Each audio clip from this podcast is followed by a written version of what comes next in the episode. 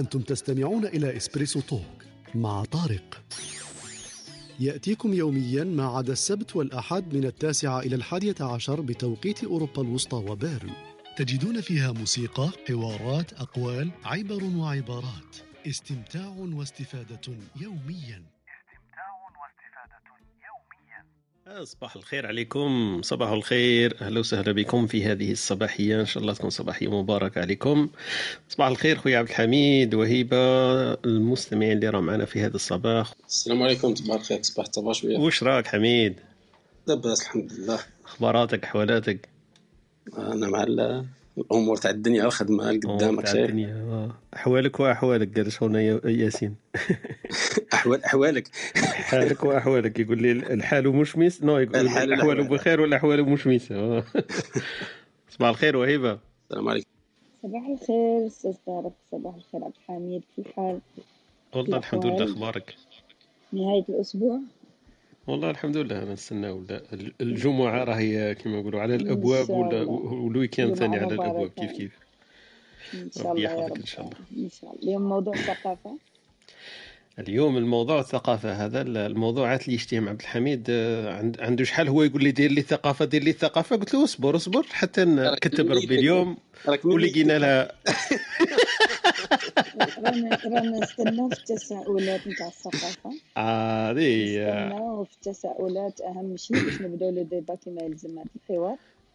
باش نعرفوا منين نبداو parce que هكا راهو global راهو global شاسع جدا شاسع جدا. donc لازم نعطينا راس الخيط منين نبداو.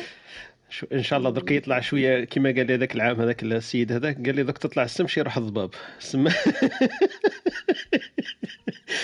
نخلو نخلو حتى يا يروح ضباب تبان السمش يا تطلع السمش ويروح ضباب واحد منهم يروح. أكيد أكيد مع مع الوقت درك دقائق يزيدوا يمشوا يزيد يبان لنا الخيط.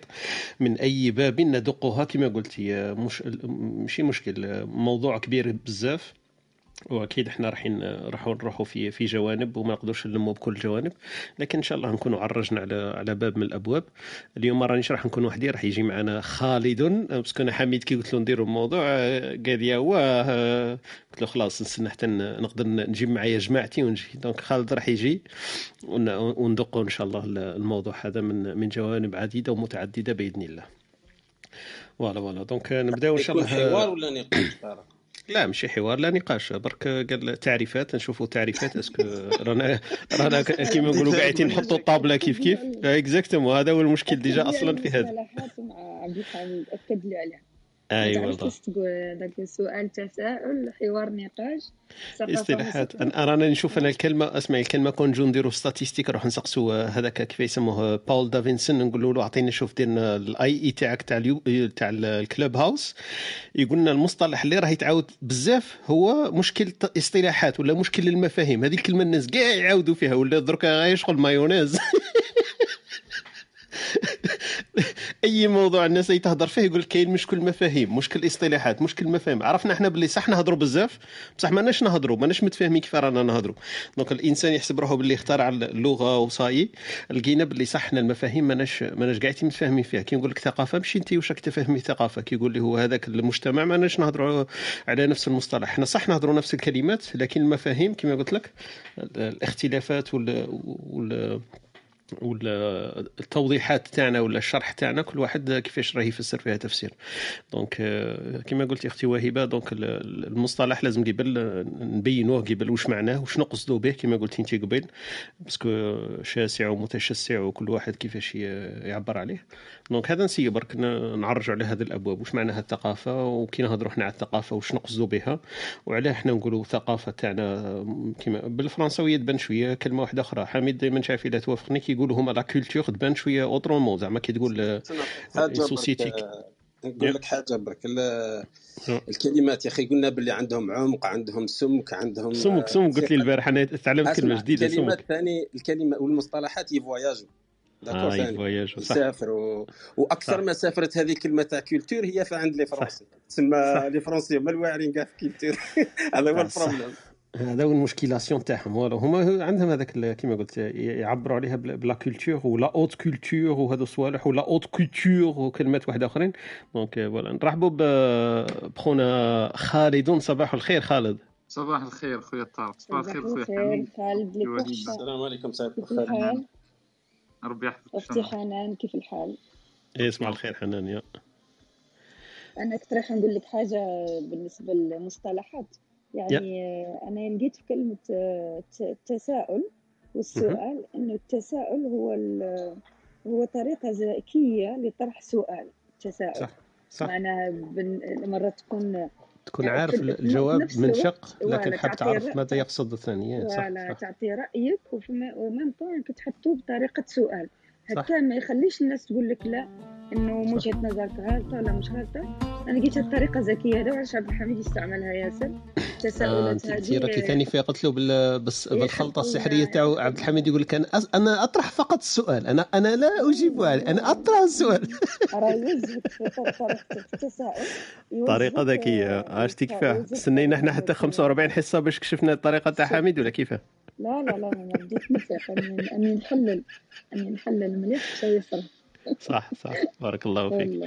لا يعطيك الصحة وهبة يعني كل مجموعة يعني إضافة جميلة. يعني كل واحد سواء خالد ولا أنت الدكتور طارق أستاذ طارق. إن شاء الله دكتور. لا دكتور لا أستاذ أنا راني غير غير غير وحيد قالت له غير كيما أنتم كيف كيف. كل يعني كل واحد راه يجيب إضافة يعني جميلة في طريقة النقاش. طريقة صح. يعني راقية جدا وهذه حاجة يستف... إحنا الثانية نستفيدوا الناس كان عندهم يحضروا أنا شخصيا نستفيد يعني أكثر ممكن من اللي نفيد ويشرفني طبعا نكون جزء من الإسبريسو إن شاء الله. بارك الله فيك. يعطيك الصحة. أنت راكي وليتي جزء لا يتجزأ وخالد وحميد. أنا حضرت البارح بالصدفة هكذا مع خالد. فالمداخلات في غرفة لا علاقة بالإسبريسو. قالوا له نحسبوك في إسبريسو. كاين مداخلات يقولوا له أنا ندي المواضيع تاع وهيبة ونطرح لك أسئلة. واحد يقول له أنا نجيب لك مثل مثل ما تفعل وهيبة. فما شاء الله. ولات عائلة تاع إسبريسو. ولينا ما شاء الله. لكن إن شاء الله تكون قدوة حسنة ونستفيد. وأنا ساعات والله نفرح لما نشوف أمور كما هكذا. مثلا أنا درتها ولا قلدتها وتشوفي باللي واحد آخر يقدر يدير كما هي ولا ياخذ منها ولا أنا مثلا نستخلص أمور هكذا تكون تعجبني في ناس واحد آخرين فيفرح الواحد ما شاء الله. خالد صباح الخير عليك. خالد أنا قلت لهم ما نبدأش اليوم حتى نجي خالد وقلت لهم اليوم موضوع من العيار الثقيل وحميد على بالي هذا الموضوع ما يشتيهش فمن هذاك الباب قلت له واه لازم نجيب معايا خالد أنا ندير ندير أنا ندير الحوار برك نتاع نقول لكم لحظة لحظة لحظة خالد لحظة خالد. غير الميتافيزيقا اليوم والكون والفضاء. آه تعجبني هذيك تاع الزمكان والفيرسيوس. نو على خير إن شاء الله. الله مد... خير أخوي حميد والله الحمد لله يعطيك الصحة خالد. بارك الله فيكم يعطيكم الصحة. إن شاء الله هذا كما نقولوا مقدمة هكذا ما بين طلعوا معنا خوتنا. نرحبوا بهم في هذه الصباحية. نحكيو إن شاء الله على على محور. أنا دائما ما نحبش نقول الموضوع نقول المحور لأنه نديروا أمور كما نقولوا حوله برك ونناقش برك الفكرة هذيك ونعطيو كما قلت قبل نعطيو شوية تعاريف ولا مصطلحات هكذا نسيو نعرجوا عليها. وما راناش نعطوا في محاضرة لا نعطوا في مفاهيم لا والو لأنه ساعات الناس تدخل وتقول لك أنتم تحكيوا على الثقافة وماكش مثقفين ولا ما تعرفوش ولا كذا. فهذه دائما نقولوا إحنا ماناش متخصصين. نحكيو برك في مواضيع. أكيد إحنا تهمنا حتى ما راناش متخصصين لكن تهمنا هذه المواضيع. ونسيو نعرجوا عليها لعل وعسى مثلا يستفيد منها واحد يستمع ولا تكون تجول déjà في خاطره. وحاب كما نقولوا يفكر بصوت عال. هذه واش نحب نقول أنا؟ أني أفكر ساعات بصوت عال. هذا ما كان. بارك الله فيكم. اليوم معنا أختنا وهبه وأخونا خالد. donc اكتملت الحلقة. donc ما شاء الله. حميد أكيد مداوم. والمستمعين تاعنا ثاني كامل راني نشوف فيهم حنان اي أي مبكرة اليوم. اليوم عجبتني البارح لما كنت ندير في المونتاج قالت لي اليوم راني جيت من الصباح donc ما شاء الله عليك حنان يعطيك الصحة. حبت باش ما يفوتها والو قالت لي اليوم من الصباح نسمع مال الفنان نلحق ساعات في النص هكذا؟ ما شاء الله عليك حنان أهلا وسهلا. خويا عقبة ثاني مستمع دائم معنا يونس كذلك أستاذ مصطفى معنا اليوم خوتنا أسماء خوتنا مريم سعيدة أهلا وسهلا بكم بايا. خويا حمزة عادل أحمد. وخوتنا ليلي وخونا عبد الحق. أهلا وسهلا بكم وبايا التحقت بنا. دونك صباح الخير عليكم. آه، نطرقوا إن شاء الله كما قلت لكم المحور تاع الدردشة تاعنا اليوم هو حكاية الثقافة. أكيد آه، اختنا وهبه تعطينا أمثلة في كبسولتها الثقافية. إلى التحق بنا الاستاذ محمد آه، شريف في الكبسولة الفكرية إن شاء الله هي يتحفنا بشخصية ولا بعالم ولا مفكر جزائري. معنا خالد اليوم إن شاء الله ثاني نستفيد من المداخلات تاعو في هذا المحور. محور إن شاء الله يكون يكون شيق أنا على بالي باللي يجول في اهتمامات أكيد حميد بالدرجة الأولى وثاني خالد ثاني لا يستهان باهتماماته في هذا المحور وأنا ثاني donc يهم يهمني الموضوع مثلهما. donc إن شاء الله نبداو الدردشة تاعنا نديروا برك هذا الفاصل القصير وننطلق بعده بإذن الله.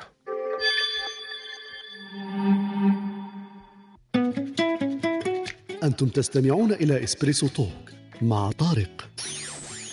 يأتيكم يوميا ما عدا السبت والأحد من التاسعة إلى الحادية عشر بتوقيت أوروبا الوسطى وبيرن.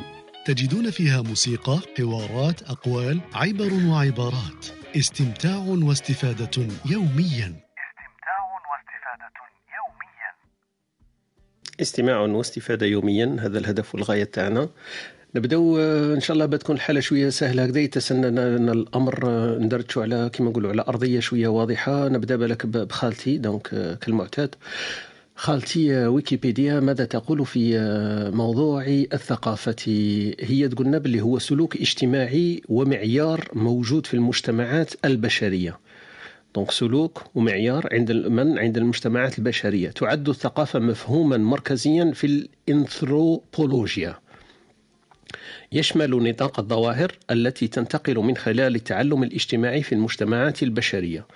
بعض جوانب السلوك الإنساني والممارسات الاجتماعية مثل الثقافة والأشكال التعبيرية مثل الفن الموسيقى الرقص والطقوس والتقنيات مثل استخدام الأدوات الطبخ الملابس هي بمثابة كليات ثقافية توجد في مجتمع في جميع المجتمعات البشرية. مفهوم الثقافة المادية يعطي التعبيرات المادية للثقافة مثل التكنولوجيا والهندسة والمعماري والفن. في حين أن الجوانب غير المادية للثقافة مثل مبادئ التنظيم الاجتماعي بما ذلك ممارسات منظمة سياسية واجتماعية الأساطير الفلسفة الأدب وإلى غير ذلك. ذلك والعلم يتكون من التراث الثقافي غير المادي للمجتمع. دونك والتعريف يطول لأنه فيه علوم إنسانية فيه فيه أمور واحدة أخرى. donc خالتي ويكيبيديا واش عطاتنا؟ عطاتنا من المبدئيين أنه هو سلوك بين المجتمعات هو معيار عند كل المجتمعات البشرية. donc هذه أنا تفهمنا فيها. ويختلف فيه فيه تجسيد مادي له. كالموسيقى والأدب وفيه تجسيد معنوي مثل كما قلنا في الثقافة والأدب والطقوس التي نجدها عند كل المجتمعات وكل الشعوب. donc هذا مبدئيا تعريف الثقافة لأنه لما نحكي على الثقافات ساعات تختلط المفاهيم. هذا واش تقولنا خالتي ويكيبيديا؟ وأكيد هذا التعريف المبدئي والتعريف الغير كامل لكن المصطلح الذي اتفقت عليه على أنه على أنه سلوك نجده عند كل المجتمعات وهو معيار للتقييم. هذه ثاني نقطة تهمنا يمكن ندخل فيها في في سياق الحديث تاعنا إن شاء الله. نبدأ معكم أنتم دونك ما نعرف شكون لا حميد ولا آه، خالد ولا أختي وهبه تتفضل معنا في في البداية إن شاء الله. تعريف الابسط ومن بعد نمشوا للأصعب. أكيد يا. نبدأ بالبساطة بالثقافة الشعبية.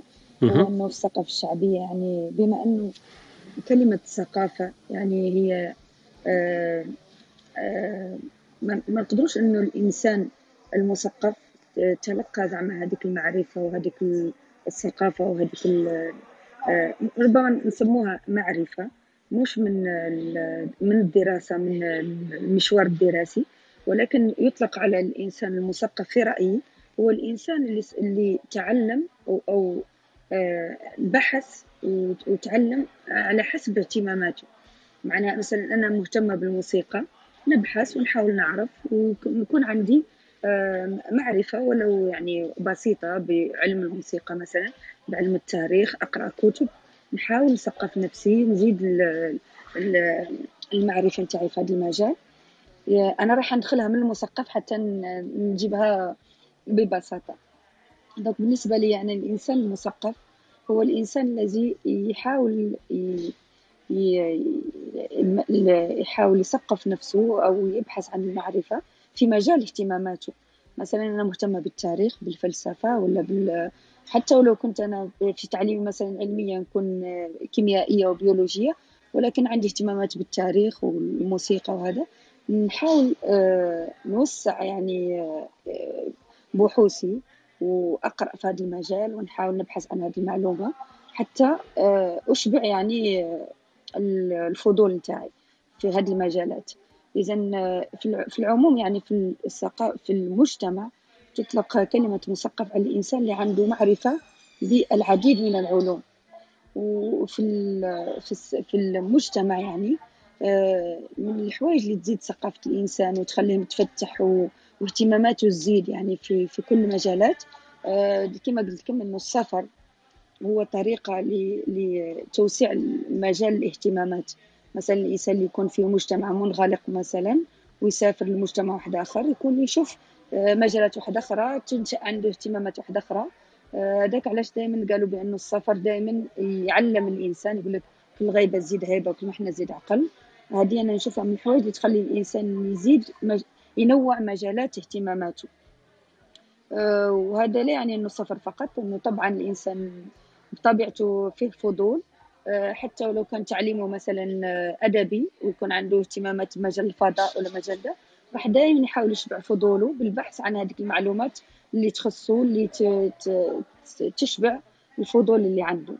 وحبيت نطرق النقطة فقط أنه في, القديم يعني آه، العلماء والمفكرين كانوا متعددي المجالات. معناها كان مستحيل أنه يكون طبيب ما يكونش فيلسوف. ويكون رياضي ما يكونش فيلسوف. وهذا يدل على أهمية العلوم الإنسانية يعني في في مجال البحث العلمي. يعني في القديم لم يكن يعني الطبيب وحده والفيلسوف وحده والمؤرخ وحده.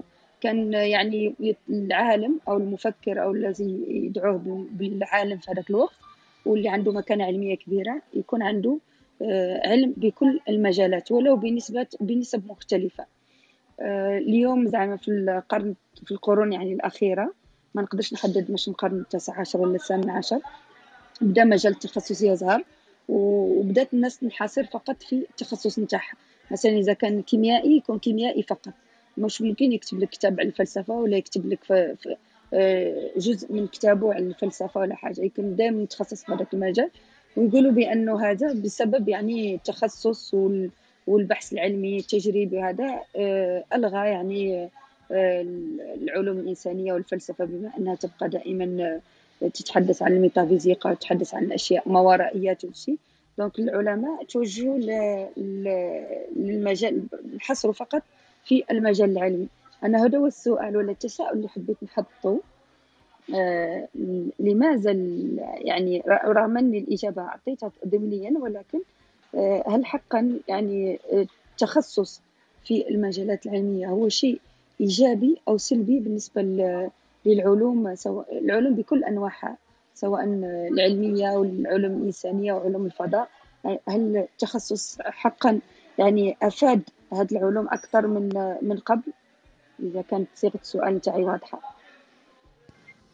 بارك الله فيك يعطيك الصحة أختي وهبة. ما شاء الله عليك. آه، رحتي لنا الجانب هذاك اللي كل الناس يمكن تتفق عليه وكما نقولوا صح من من الجدير التنويه به كما قلت لنا هو حكاية توسيع توسيع الفضول تاع الإنسان هو أكيد في في طريقة التعلم تاعو تعد هذه من من الثقافة وإشباع إشباع الفضول وخاصة تعدد المجالات اللي كملتيها بسؤال هل هل التخصص شيء إيجابي أم سلبي؟ بارك الله فيك أختي وهبة آه، نفوتوا يمكن لخوتنا حميد ولا ولا خالد. أنا نبدأ لكم برك آه، لما نقول لكم هذه المصطلحات أنتم قولوا لي. لما نحكي لكم على البناء وعلى التكديس وبعدين نقول لكم الواجب والحق نقول لكم علم الأفكار وعلم الأشياء والأشخاص. فيما تفكرون. مالك بالنبي ما شاء الله عليك حميد وخالد في بالي خالد كان راح كان راح يقولها و... خانتها التقنية برك. والله اكزاكتومون أنا حبيت على بالي باللي عندكم شوية اطلاع في هذا المجال فيا ريت تعطونا تعريفات يمكن تدخل شوية في العمق وفيما قاله الأستاذ والعلامة والمفكر الجزائري رحمة الله عليه مالك بن نبي أكيد من بين الأشخاص ولا المفكرين الذين تحدثوا الكثير والكثير. على الحضارة بشكل عام ومن بابها الثقافة أكيد كما نقولوا لا تفترق عن الحضارة. آه، تعريفين متقاربين متشابهين ومتلازمين. مستحيل نحكيو على حضارة بدون ثقافة فأكيد آه، تعريفات آه، كما قلنا قبل تختلف لكن التفسير والشرح والتنظير فيها كان هذا آه، مالك بن نبي رحمة الله عليه كان عنده فيه باع كبير. دونك أنا حبيت إلى حبيتوا أنتم خالد عبد الحميد ينطلقون في هذا المحور في في إشكالية الثقافة. مالك بن نبي عنده حتى كتاب اسمه مشكلة الثقافة. فهذه الإشكالية اللي اليوم إحنا طارحينها ولا المحور اللي ندندن عليه يا ريت آه، تنوروننا بما بما تعرفون. تفضل خالد ولا حميد كما حبيتوا نبدأ بالسهل ومن بعد نروح للصعيد؟ يكون أحسن تفضل. بارك الله فيك يا خويا طارق. آه كما حكيت آه، أختي وهيبة ومن بعد طرحت إشكالية مهمة. هل الثقافة آه مرتبطة فقط بالمعرفة آه أو أن هناك معايير أخرى تقاس بها الثقافة؟ وهنا الإشكال اللي حبيت نناقشه أنا اليوم. آه لأنه كاين مشكل كبير في المفهوم. كي نرجعوا للمفكر كما قلت الكبير مالك بن نبي ربط الثقافة بثلاث معايير وثلاث عناصر مهمة اللي هي الأخلاق والجمال والذوق والمنطق العلمي والصناعة والتكنولوجيا. فيها أمور نظرية وفيها أمور تطبيقية. وكما هضرت أنت في التعريف تاع الويكيبيديا أنا أي مفهوم ميتافيزيقي مركب نشبهه بعدد مركب في الرياضيات. فيه جانب مادي حقيقي وفيه جانب تخيلي. والإنسان إذا أراد أن يصل إلى التوازن في هذا العدد المركب لازم يخلق توازن بين العددين هذا اللي هو العدد الحقيقي والعدد هذاك أو الجانب الثاني اللي هو الجانب التخيل اللي أنا ديما نشبهه بالجانب المعنوي في التعريف. إذا العلاقة القائمة بين الربعة هذا اللي هما الأخلاق والجمال والذوق اللي يخلق عند الفرد والمنطق العلمي والصناعة والتكنولوجيا يقول لك العلاقة القائمة بين هذه الأربع في زمن فاعل واللي هو يكونوا متغيرين بالنسبة للزمن ولا وجود زمن ولا لحظة فاعلة هذه اللي تأخذ الإنسان نحو التحضر وهذا ما يسمى بالثقافة. فالثقافة إذن هي مجموعة من الصفات الخلقية والقيم الاجتماعية. ما ربطهاش فقط بالمعرفة الفردية. هو خلقها بالصفات الخلقية والقيم الاجتماعية التي تؤثر في الفرد منذ ولادته ومن بعد درك نمد أنايا مقاربة فيزيائية بسيطة باش كي تلحق الفكرة سلسة بالنسبة للمتلقي. وتصبح لا شعوريا العلاقة التي تربط سلوك الإنسان هذا بأسلوب الحياة والوسط الذي يعيش فيه. وهو أعطى تشبيه بليغ هنا في قضية البلازما اللي حكيت عليها أنا البارح آه، أنه شبه الثقافة هي بالدم الذي يسري في جسد المجتمع. والدم هذا فيه كريات دم حمراء وكريات دم بيضاء وتجري في البلازما باش تخلق ذلك الدم اللي هو ينعش جسد الإنسان. آه، كريات الدم الحمراء وكريات الدم البيضاء هو الاختلاف اختلاف سواء في في الجمال والذوق الاختلاف سواء في المنطق العلمي ولا التصور الصناعي والتكنولوجي. آه، وهنا بيت القصيد. هو الموضوع هذا آه، آه، شاسع وواسع ودرك نهزوا فيه وقت كبير. أما حبيت برك ندير تعاريف بسيطه ومن بعد نناقشوا كل فكرة وحدها. هو أعطى التعريف تاع البلازما هذه أما أنا نعطي تعريف آخر فيزيائي. وديما نمد فيه المثال. هذا في قضية آه، التأثير والتأثر. إذا كان هزينا فضاء لا يخضع حتى لقوى آه، خارجية يعني فضاء آه، كما نقولوا نحن إيديال وحطينا جسم مادي. هذا الجسم المادي هذا إذا اعتبرناه ما تأثرش عليه حتى قوة خارجية. وهزينا جسم مادي آخر حطينا في نفس الفضاء هذا. ومن بعد مع مرور الوقت لقينا باللي هؤلاء الجسمان اللي ما تأثرش فيهم حتى حاجة خارجية قاعدين يتحركوا سواء باتجاه بعضهم ولا قاعدين يتباعدوا على بعضهم. أنا وش نقدر نقولوا؟ عندنا ثلاث فرضيات وهذا اللي طرحه مالك بن نبي أما بطريقة أخرى. آه كاين ثلاث فرضيات. الفرضية الأولى أنه آه الجسم عنده أصلا قوة الداخل قاعد يتحرك فيه وهذا ما يسمى بالمعرفة. المعرفة نتاعو اللي قاعد يتحرك فيه اتجاه الآخر. آه النظر الفرضية الثانية أنه الفضاء هو اللي قاعد يتحرك. الفضاء هذا اللي اللي يتشكل في في المنهج والسلوك. منهج والسلوك اللي مفروض في تلك الثقافة تاع المجتمع هذاك المعين. هي اللي قاعد يتحرك فيه مش هو اللي قاعد يتحرك بإرادته. والفرضيه الثالثة أنهم يتحركوا في زوج. يعني الفضاء قاعد يتمدد والجسمان ثاني في زوج عندهم قوة قاعد تتحرك فيهم. وهذا اللي لازم يتربط بين النظرية تاع المعرفة تاع المعرفة تاع الإنسان بحد ذاته والثانية اللي هي المنهج في السلوك تاع المجتمع عموما وش يخلقوا هذا في زوز يخلقوا ما سماه مالك بن نبي بالطريقة في العمل والبناء. في الحال هذه إذا اجتمعت النظريتان في المعرفة في الذات في حد ذاتها وفي المجتمع بصفة عامة في الفضاء هذاك راح تخلق ما يسمى بطريقة في العمل والبناء. فعموما الثقافة هي المحيط الفكري والنفسي والاجتماعي وفيها حتى الأخلاقي الذي يؤطر الوجود الإنساني في المجتمع. هذا عموما حبيت نمد أمثلة فيزيائية ولا حتى أمثلة فيما يخص حكاية الدم والبلازما حتى تقترب شوية الفكرة ومنها نبدو المناقشة نتاعنا. شكرا خويا طارق واسمحوا لي كان طول بارك الله فيك. يعطيك الصحة خالد. خالد رحت لنا التعريف مالك بن نبي. بارك الله فيك. حكيت المحيط الذي يعيش فيه الفرد والذي يطبع شخصيته وحكيت لنا على هذا المثال الميتافيزيقي في الفضاء الذي يتكون من كتلتين حرتين كما سميتهم انت قلت المعرفة والسلوك. ونلاحظ أوجه التي تؤدي إلى تحركهما من أي من أي قوة تنبع. هذه هذه الحركة هذه تاعهم هل هي من المعرفة؟ هل هي من السلوك أو من كلاهما؟ donc هنا هنا وين ظهرت إشكالية إشكالية الثقافة. من أين نبدأ؟ بارك الله فيك خويا والتمثيل اللي عطيته مليح أنا حكاية البلازما مثل ما قلت آه، كان عبر عنها مالك بن نبي. فهذه تبسط شوية المفاهيم وتخلينا نعرف شوية من أين وكيف وإلى أين يتجه كل كل مفهوم من هذه المفاهيم حكاية الذات وحكاية المجتمع وحكاية الثقافة وحتى البعد النفسي اللي قلت عليه أنت والاجتماعي والعلاقة بينهما وحتى البعد الفلسفي الذي يدخل أكيد في في طرف أو آخر. عبد الحميد الخط إليك.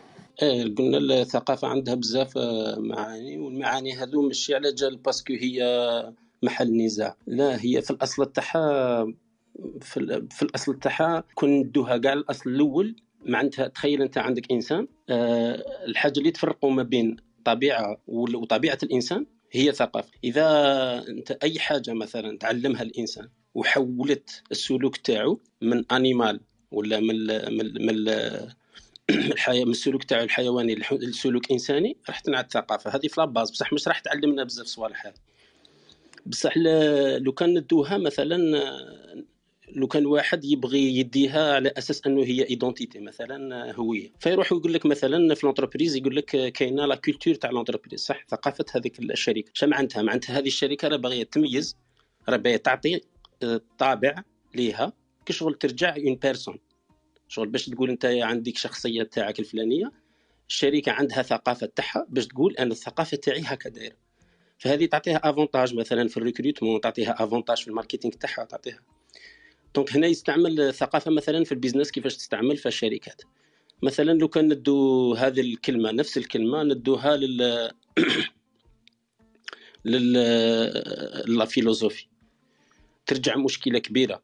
علاش؟ آه، لاخاطش هي داخلة في في واحد في واحد كيفاش يقولوا النزاع صاري وتلقاه بزاف حتى في في Clubhouse ولا تلقى هذو النزاعات انه هل la culture هل الثقافة هي طبيعة ثانية للإنسان ولا ولا لا لا عنده طبيعة واحدة هي la culture وكل ما يتصور على نفسه هو هو culturel معناتها ثقافي. علاش راني نهضر هذه؟ هذه ممكن ما تبانش هكا لأول ولها. بصح تخيل أنت يا مثلا أنت في المجتمع تاعك عايش هكذا في ال groupe اللي راك عايش فيه عندك ثقافة هكا تخلي لك واحد الصوالح تقولهم هما طبيعيين هكا دايرين. ومن بعدك أنت تروح تفواياجي تروح تشوف ثقافة واحد آخرين اي تلقاها متعاكسة ولا تلقاهم يفكروا أطرهم اش تروح تقول أنت؟ تبدأ تقول بلي هذه ثقافة ماهيش naturelle.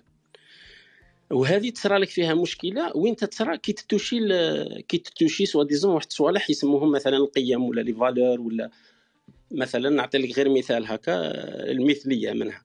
فكاين ناس يقول لك المثلية ماهيش طبيعية كونتر ناتورال ومن بعد لو كان نحصروا أنه الإنسان بكل كاع ثقافة شا معناتها؟ معناتها حتى التصور تاعو الطبيعي خارج من هذيك الثقافة اللي عايش فيها. فيروح يقول لك أنت الثقافة تاعك تملي عليك أنه هذا شيء مش طبيعي ولكن الثقافه تاعي تملي عليا حاجة أخرى فيصرى هنا النزاع؟ هذاك النزاع اللي واعر. هنايا وين ي toucher نا directement مش indirectement. إلا touché نا directement معناتها من واش من la couche تاع ثقافة. تاع هذاك الإنسان باش نقولوا هذه ثقافية وهذه طبيعية. هنا ما كاش مازال ما صراتش هذا زعما تلقى الناس يقولوا هاك والناس يقولوا هاك. بصح les résultats يكونوا كي تدي هذاك ال résultat تصيبوا مشكلة. انت راك شايفها طارق كي تكون عايش في الغرب ولا؟ شغل قادر يقول لك باللي أنتم في la culture تاعكم هكا دايرة برك. فانت الاصطدام تاع les cultures راح يسبب لك مشاكل حتى في مثلا في les valeurs تاعك اللي راك راح تعطيهم لاولادك مثلا ولا صوالح واحد آخرين. donc هنا وين الثقافه تولي تولي شغل تولي لازم تعالجها quelque part. هذا هذا ال point اللي اللي بغيت نبينه باللي محل النزاع وين يقدر يصرى النزاعات بزاف وبشدة وبشراسة في هذه الحاجة. par rapport للثقافة عندك تخدم على ثلاث مستويات. مستوى الشخصي اللي كانت تهدر عليها آه، وهيبة. وعلى المستوى المجتمعي ولا تاع ال groupe اللي راك تنتمي ليه انت. وعلى المستوى وعلى المستوى العالمي universel الكوني ولا. انت إلى إلى دينا أنه على المستوى personnel إنسان شا معناتها cultivé هذه اللي بغات تقولها وهيبة شا معناتها إنسان مثقف. صح.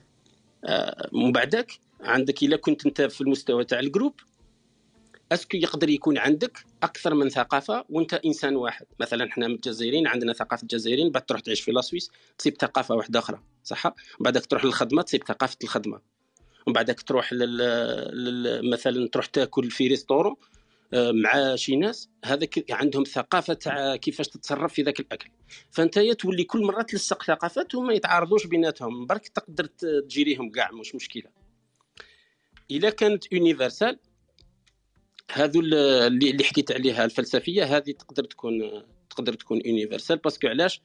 شغل يروحوا directement واحد التعاريف ومن بعد يبداو يتفاهموا عليهم وتبان لهم normal ومن بعدك تولي تقول ثقافية ماشي ثقافية وهنا اللي قلنا يصرى فيها شوية النزاع. أما التساؤل تاع وهيبة اللي قالت تخصص est-ce que مليح ولا لا لا المثقف آه، بكري التعريف تاعو هكا vraiment بكري قبل ما يبانوا العلوم تاع الصح. وقبل ما تتفرق العلوم هو يقول لك زعما هو الذي يعرف كل شيء على شيء ويعرف شيء على كل شيء شيء بسيط على كل شيء. هذه هذه صارت ما impossible تقدر دير هذا روك impossible premièrement parce que ما تقدرش تعرف كلش على حاجة شكون اللي يقدر يقول لك هكا؟ parce que tellement راحت في la spécialité و spécialiste كيما يقول لك ادغار مورين يقول يقول لك يقول لك le spécialiste c'est quelqu'un qui sait tout qui qui qui finit par ne rien savoir sur une seule sur un seul truc. علاش parce que tellement spécialisa spécialisa spécialisa بعد يقول لكم أنا والله ماني عارف ما عرفتش. tellement بحر كل حاجة كي تديها وحدها بحر.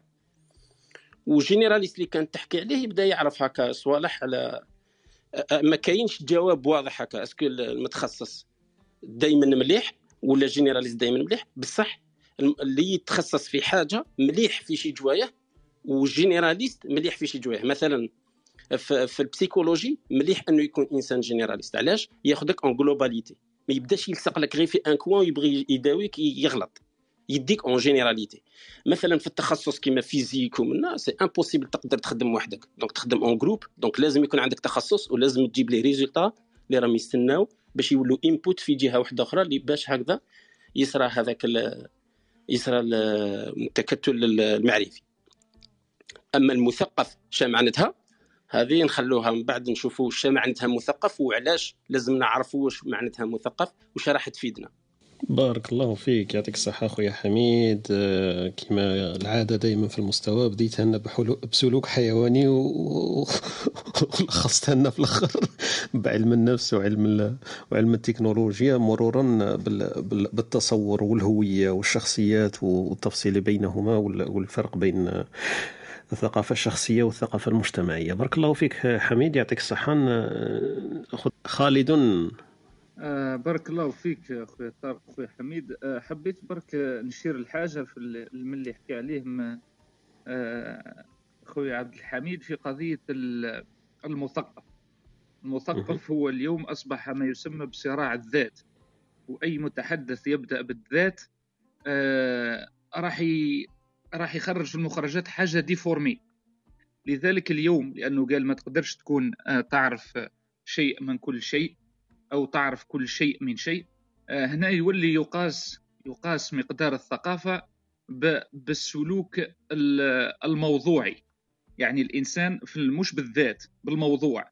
يعني تولي تقاس الثقافة نتاعو بسلوكه هو.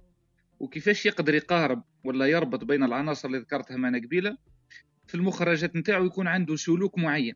هذا السلوك هو اللي يقيس به وهذا اللي حبيت نركز عليه. السلوك هذا اللي خارج من الذات هذه هو اللي يقيس من بعد مقدار ثقافة هذا الإنسان.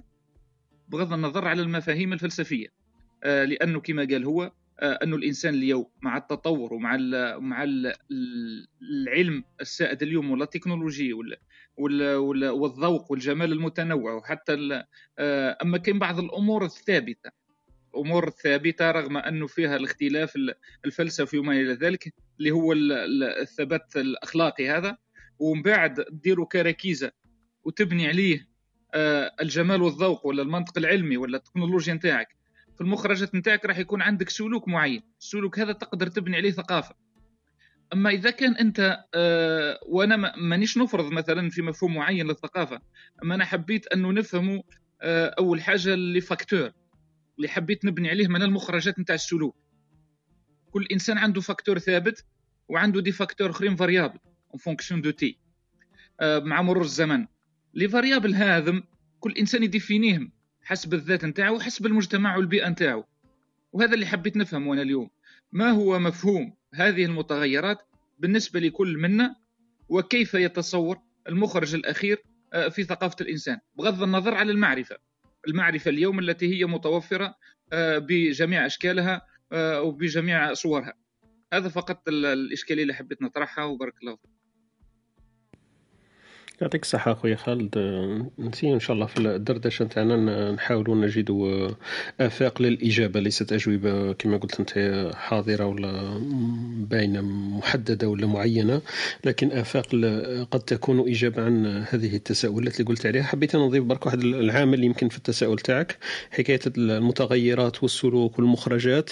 ما ما أثر ولا ما طبيعة ولا تأثير العوامل الخارجية التي تحيط بالفرد في حكاية المخرجات؟ كما العالمين هذوك اللي قبيل أنت عبرت عليهم قلت المجتمع والفرد. donc الشخص هذا كإنسان وسلوك تاعو والمجتمع هذا ثاني والسلوك تاعو والحركة تاعهم أكيد المخرجات ولا المتغيرات هذه اللي تكون متعلقة بالفرد ما يشفي حيز مفرغ. راهي تدور في مجتمع تدور في في مع ناس واحد آخرين. donc هذيك الناس est-ce que عندهم عندهم آه، كيف يسموها؟ عندهم أثر في هذيك المخرجات قادر يأثروا عليها بالسلب ولا بالإيجاب ولا يقدر يكون الإنسان وحده فقط كما قلت أنت التصور تاعو هذاك آه، مثقف في ذاته. هو برك مثقف لكن المجتمع الذي يحيط به مش مثقف مثلا.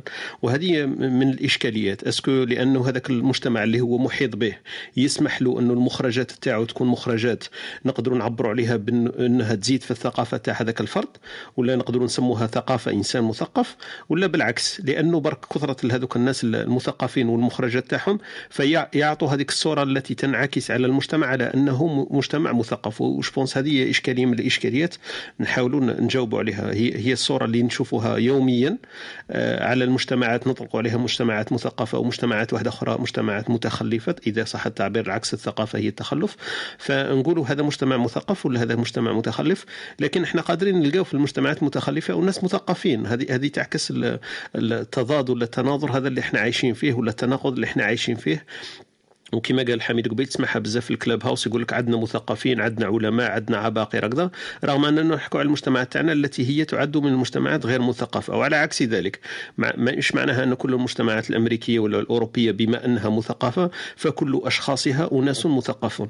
دونك هذه واحد الإشكالية تاع تاع تاع كيف يسموها من أين نبدأ؟ أسكو لأنه المثقفين كاينين في المجتمع مثقف والمجتمع مثقف فيسمح للمثقفين بالظهور وعندهم هذيك القابليه أن يكونوا مثقفين.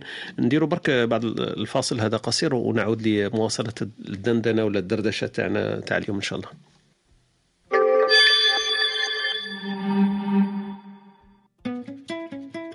أنتم تستمعون إلى إسبريسو توك مع طارق. يأتيكم يوميا ما عدا السبت والأحد من التاسعة إلى الحادية عشر بتوقيت أوروبا الوسطى وبيرن. تجدون فيها موسيقى حوارات أقوال عبر وعبارات. استمتاع واستفادة يوميا. استماع واستفادة يوميا. أهلا وسهلا بكم في هذه الصباحية. ندردش ولا ندندن على محور آه، من محاور النقاش تاعنا اليوم اللي هو محور الثقافة. donc آه، نسيو نعطيو شوية بعض التعريفات والمفاهيم التي تجود في خاطرنا ونشوفوا كيفاش نقدروا نجاوب على بعض التساؤلات اللي أكيد كل واحد منا طرحت في باله في في هذا الباب مجال مجال الثقافة. خطنا وهبة معنا في هذه الصباحية في الكبسولة الثقافية. déjà قلت لنا واحد المثال قبيل قلت لك كل هيبة تزيد كل كل غيبة تزيد هيبة وكل محنة تزيد عقل. هذا من باب السفر ومن باب الثقافة. donc الإنسان تزيد ثقافته بتنقاله ولا بسفره. donc تفتح الآفاق. donc هذا المثل اللي اعطته لنا قبيل ونشوف إذا كان أمثلة في المنطقة تاعكم ولا تزيد لنا أمثلة واحدة أخرين في الكبسولة الثقافية. معنا خونا خالد وخونا حميد في هذه الصباحية ونشوف إذا يطلع معنا الأستاذ محمد في الكبسولة الفكرية إن شاء الله تاعنا نرحبوا آه، بخوتنا اللي راه معنا مستمعين في هذه الصباحية مع عبد الرزاق يمكن آه الاسم هذا عمي بس مانيش عارف واش معناها عمي ولا عفسك من هاك.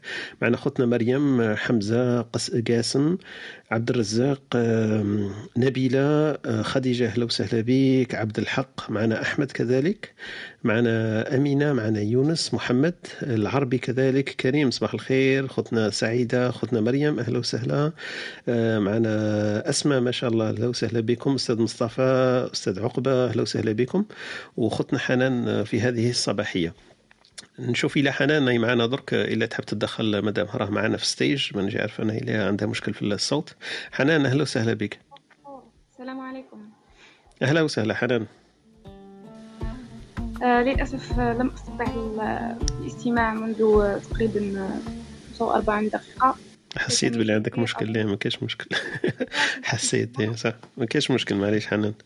عند عندك ما تقولي درك المداخله تاعك في في باب الثقافة؟ إلى إلى عندك تعريف مثلا للثقافة ولا كيفاش انت تلاحظي أنه نقدروا نطلقوا على شيء نسموه ثقافة؟ الثقافه هي يعني كاين واحد التعريف ترى نسمعه ومتداول كثيرا. يقول لك المثقف اللي الذي هو المثقف الذي يعرف شيء عن كل شيء ويعرف كل شيء عن شيء. وهذه دروك صعيبة نوعا ما لأنه أنا في عصر تكنولوجي متسارع جدا يعني كاين تطورات كاين دائما كاين جديد ما نقدروش نكونوا ابديت حتى في يعني في المجال تاعك ما تقدرش تكون تعرف كلش في المجال تاعك. هذه من جهة. وكذلك الثقافة يأثروا فيها عدة عوامل كما كاين كاين كاين كتاب تاع مشكلة الثقافة تاع مشكلة الحضارة تاع مالك بن نبي هضر في جانب في فصل مشكلة الثقافة. وين هضر على العوامل اللي يأثروا على على ثقافة الإنسان. نذكر التراب والإنسان وكاين عامل واحد آخر. التراب اللي هو المحيط يأثر المحيط يأثر على الإنسان وين يأثر على ثقافة الإنسان. كذلك كما ذكر سمعت دروك قلت بلي السفر آه، المثل هذاك بلي السفر صح السفر يأثر على الإنسان لأنه لأنه الثقافة تجي من المخالطة وال والقابلية كاين تاني القابلية للثقافة. كاين ناس يعني أشخاص يعني فاتحين يديهم يعني للاستقبال كل ما هو جديد وكل ما أشخاص لا للأسف. إنه. ما يتقبلش حاجة جديدة عليه. ما يتقبلش آه، معلومة جديدة. ممكن هو متمسك بمعلومة وهذيك وخلاص يعني آه، معزة ولو طارت هذو كان بزاف هاد الأشخاص هذو اللي يسمع المعلومة الأولى خلاص ما يزيدش يحاول يستمع إلى معلومة جديدة ولا معلومة مناقضة لها اللي هي ممكن تكون صحيحة. كذلك الإنسان لازم من الأفضل الإنسان يكون عنده هذه القابلية أنه يثقف يعني يستمع. مش شرط أنه يؤمن بهذه الحاجة لكن نستمع وندي من هذه الحاجة ممكن تكون صحيحة ممكن تكون خاطئة. لأنه العلم في تطور والإنسان لازم يطور من نفسه باش يقدر يواكب العالم اللي راه فيه. كذلك نقطة أخرى أنه عندي سؤال اللي هو كيفاش نقدروا الإنسان يقول أنا مثقف؟ est-ce que كي واحد يقول لنا مثلا أنا مثقف نشوفه فيه بهذيك النظرة تاع إيه صح هذا مثقف. كيفاش نقدروا نوصفوا هذا الشخص باللي هذا مثقف؟ هذه سؤال. آخر كلمة ما سمعناهاش. حنان قلتي est-ce que الإنسان لما يقول أنا مثقف نقدروا ندوا عليه هذيك الكلمة ومن بعد الصوت تاعك راحت ممكن تعاودي من فضلك آخر جملة؟ يعني كي شخص يقول لك أنا مثقف est-ce que صح نشوف في هذيك النظرة تاع هذا مثقف؟ من كلام تاعو ولا من مقابلة واحدة ليه. وكتاش نقولوا بلي هذا مثقف يعني وش المعايير اللي نشوفوها حنايا في إنسان من مقابلة واحدة ولا من لقاء واحد ولا من أنه هذا صح إنسان مثقف بارك الله فيك يعطيك الصحة. حنان المداخلة تاعك. آه، أنا مثقف هذه بعد نعاود نرجعوا لها حكاية آه، متى يمكن إحنا نطرحوا على هذاك التساؤل؟ هذا مثقف نقول له بلا ما يسألوا الإنسان ولا متى يكون الإنسان مثقف ويمكن يعتبر مثقفا في نظر الآخرين؟ وبعد نروحوا المحور اللي هو أكبر منه المجتمع المثقف والمحيط الذي ينشط فيه يكون كامل مثقف. وكيفاش إحنا الوسائل ولا الآلات تاعنا باش نغيروا مجتمع غير مثقف يولي مثقف؟ هل عندنا آليات ووسائط نقدر نستعملوها لتغيير الحال لما يكون مثقف؟ نرجعوه غير مثقف ولا بالعكس؟ القابلية للثقافة مصطلح مليح أنا ما كنتش ما كنتش مطلع عليه. كنت نعرف آه، على حميد كنت نسمع بزاف القابلية للاستعمار لكن القابلية للثقافة تبان لي حاجة مليحة. هذه نقدروا نلخصوها. est-ce que انسان قابل أنه يتثقف؟ هل عنده الآفاق وعنده القابلية للثقافة؟ أنه يكون متثقف يفتح ال horizon تاعو كيفاش نسموها يفتح الآفاق باش يكون عنده آه، ثقافة ويكتسبها ولا حتى على الأقل يكون يتقبلها مش شرط يكتسبها لكن يتقبلها كثقافة واحدة أخرى. هذا الإشكال اللي طرحه قبل خونا حميد يمكن قال لك الثقافة أسكو هي أمور طبيعية ولا أمور ثقافية. الشخص عنده واحد التناظر في في ذاته في الداخل تاعو لما يشوف شيء يقول لك هذا طبيعي هو راه يحكي على الثقافة تاعو بصح مش فاهم باللي طبيعي. وطرح عليها المثال اللي قال لنا قلنا لما واحد جزائري يجي مثلا سويسرا هكذا يشوف المجتمع يمشي بواحد الطريقة واحدة أخرى يأكل بطريقة واحدة أخرى يلبس بطريقه واحدة أخرى. فما فما يطرح له السؤال أنا ساعات دائما نقولها نقول لما الإنسان يبعد على البيئة تاعو يكتشف البيئة تاعو هذه تبان لك باللي شغل متناقضة. لكن هذا عندها كثير من الواقعية ومن الصحة. لما تبعد على المجتمع تاعك تشوف مجتمعات واحدة أخرى تفهم روحك قبل ما تفهم المجتمع الآخر. تعرف باللي أنت علاه تأكل بهذيك الطريقة علاه تمشي بهذيك الطريقة علاه تصلي بهذيك الطريقة علاه تعتقد بهذيك الطريقة. علاه مثلا عندك الحياة والقيم هذو الأمور تفهم نفسك أنت قبل ما تفهم المجتمعات الأخرى. فحكاية ما هو طبيعي وما هو ثقافي وما هو مكتسب منهما. donc إذا كانت الطبيعة تاعنا كما عبرتي عليها أنت يمكن قلتي في حكاية ابن نبي مالك بن نبي يحكي على حكاية التراب. ما هي الأمور التي يكتسبها الإنسان منذ نشأته. هنا هنا خالد تطرق لها قبيل قال لك هي المحيط الذي يتشكل فيه الإنسان والفرض تكون هذيك الطبيعة التي تسقل شخصيته. donc الطبيعة اللي تسقل الشخصيه تاعنا تولي أمور طبيعية بالنسبة لنا فيما بعد. لكن إحنا هي العوامل اللي أثرت فينا عندها دور كبير. دونك على هذيك اللي حبينا نطرحوا إحنا الإشكال تاع الثقافة. متى تكون الثقافة؟ ما هو تعريفها؟ وكيف يمكن اكتسابها؟ وما هي معايير المعايير التي نقيم بها هذا هذا المصطلح اللي هو ثقافة. متى نقول على ثقافة عالية مثقف ولا ثقافة متدنية وتكون غير مثقف أو ما هو عكس الثقافة اللي هو يمكن الجهل ولا التخلف. بارك الله فيك أختي حنان. نطلع معنا اخونا كريم. صباح الخير أخي كريم. صباح النور خويا طارق. صباح أهلا وسهلا بك. صباح الخير على المستمعين. الله يسلمك. وشحوالكم لاباس؟ والله لاباس الحمد لله ربي يحفظك. الحمد لله. والله أنا غير بالنسبة للثقافه ما عنديش واش نضيف parce que دخلت هنا وين دخلت لكن سمعت الإخوة بزاف هضروا غير التدخل تاع الأخت حنان كي قالت كاينة ناس عندهم قابلية للثقافه أنا نشاطرها الراي و... وصح يعني في بعض الأحيان أنا واحد منهم زرت بالعديد من البلدان وتشوف ساعة ساعة كاين ثقافات اللي أنت تكون عندك قابلية أنك يعني تأكسبتيهم. وفي نفس الوقت كاين حوايج تاع ثقافات تاع تاع هكا تاع شعوب اللي يختلفوا مع العقيدة تاعك ولا مع الإيمان تاعك وتربيتك وأخلاقك. donc ماكش أنت راح تتقبلهم يعني بطريقة أو بأخرى. يعني تبان لك bizarre كيفاش أنت الناس هذو يديروا حوايج أمور كيما هكا. و donc ماكش راح تقبلهم. وكاين يعني شعوب اللي منطويه على نفسها. يعني شفت شعوب اللي ما يحبوش يتقبلوا ثقافة تاع الناس الأخرين ولا يتعلموا. يعني عندهم ثقافتهم وبس. مثلا ال gypsy ولا إذا شفت ال gypsy آه، هنا في أوروبا منتشرين بكثرة وعندهم تقاليد نتاعهم وعندهم ثقافتهم وعمرك من العمر لا تشوفهم يعني تقبلوا ثقافات الشعوب الأخرى على الرغم إنهم منتشرين في دول مختلفة يعني. same thing يعني بالنسبة لليهود. كما نشوفهم انا لهنا آه، شفت اليهود تاع بولونيا ولا تاع سويسرا ولا تاع بريطانيا يعني ثقافتهم وحدة ما تبدلش فيهم يعني وما يتغير فيهم أي شيء. اذا أنا بالنسبة لي الإنسان يتأثر بالمحيط نتاعو آه، آه، يعني الثقافة تأثر المحيط نتاعو يأثر له على ثقافته. مثلا أنا نحكي لك خدمت بزاف مع المغاربة ولا مع التوانسة وليت نحس روحي كاين أمور حوايج تونس ولا المغرب نقبلهم اوتوماتيكمون يعني يبانوا لي ملاح ويعجبوني و...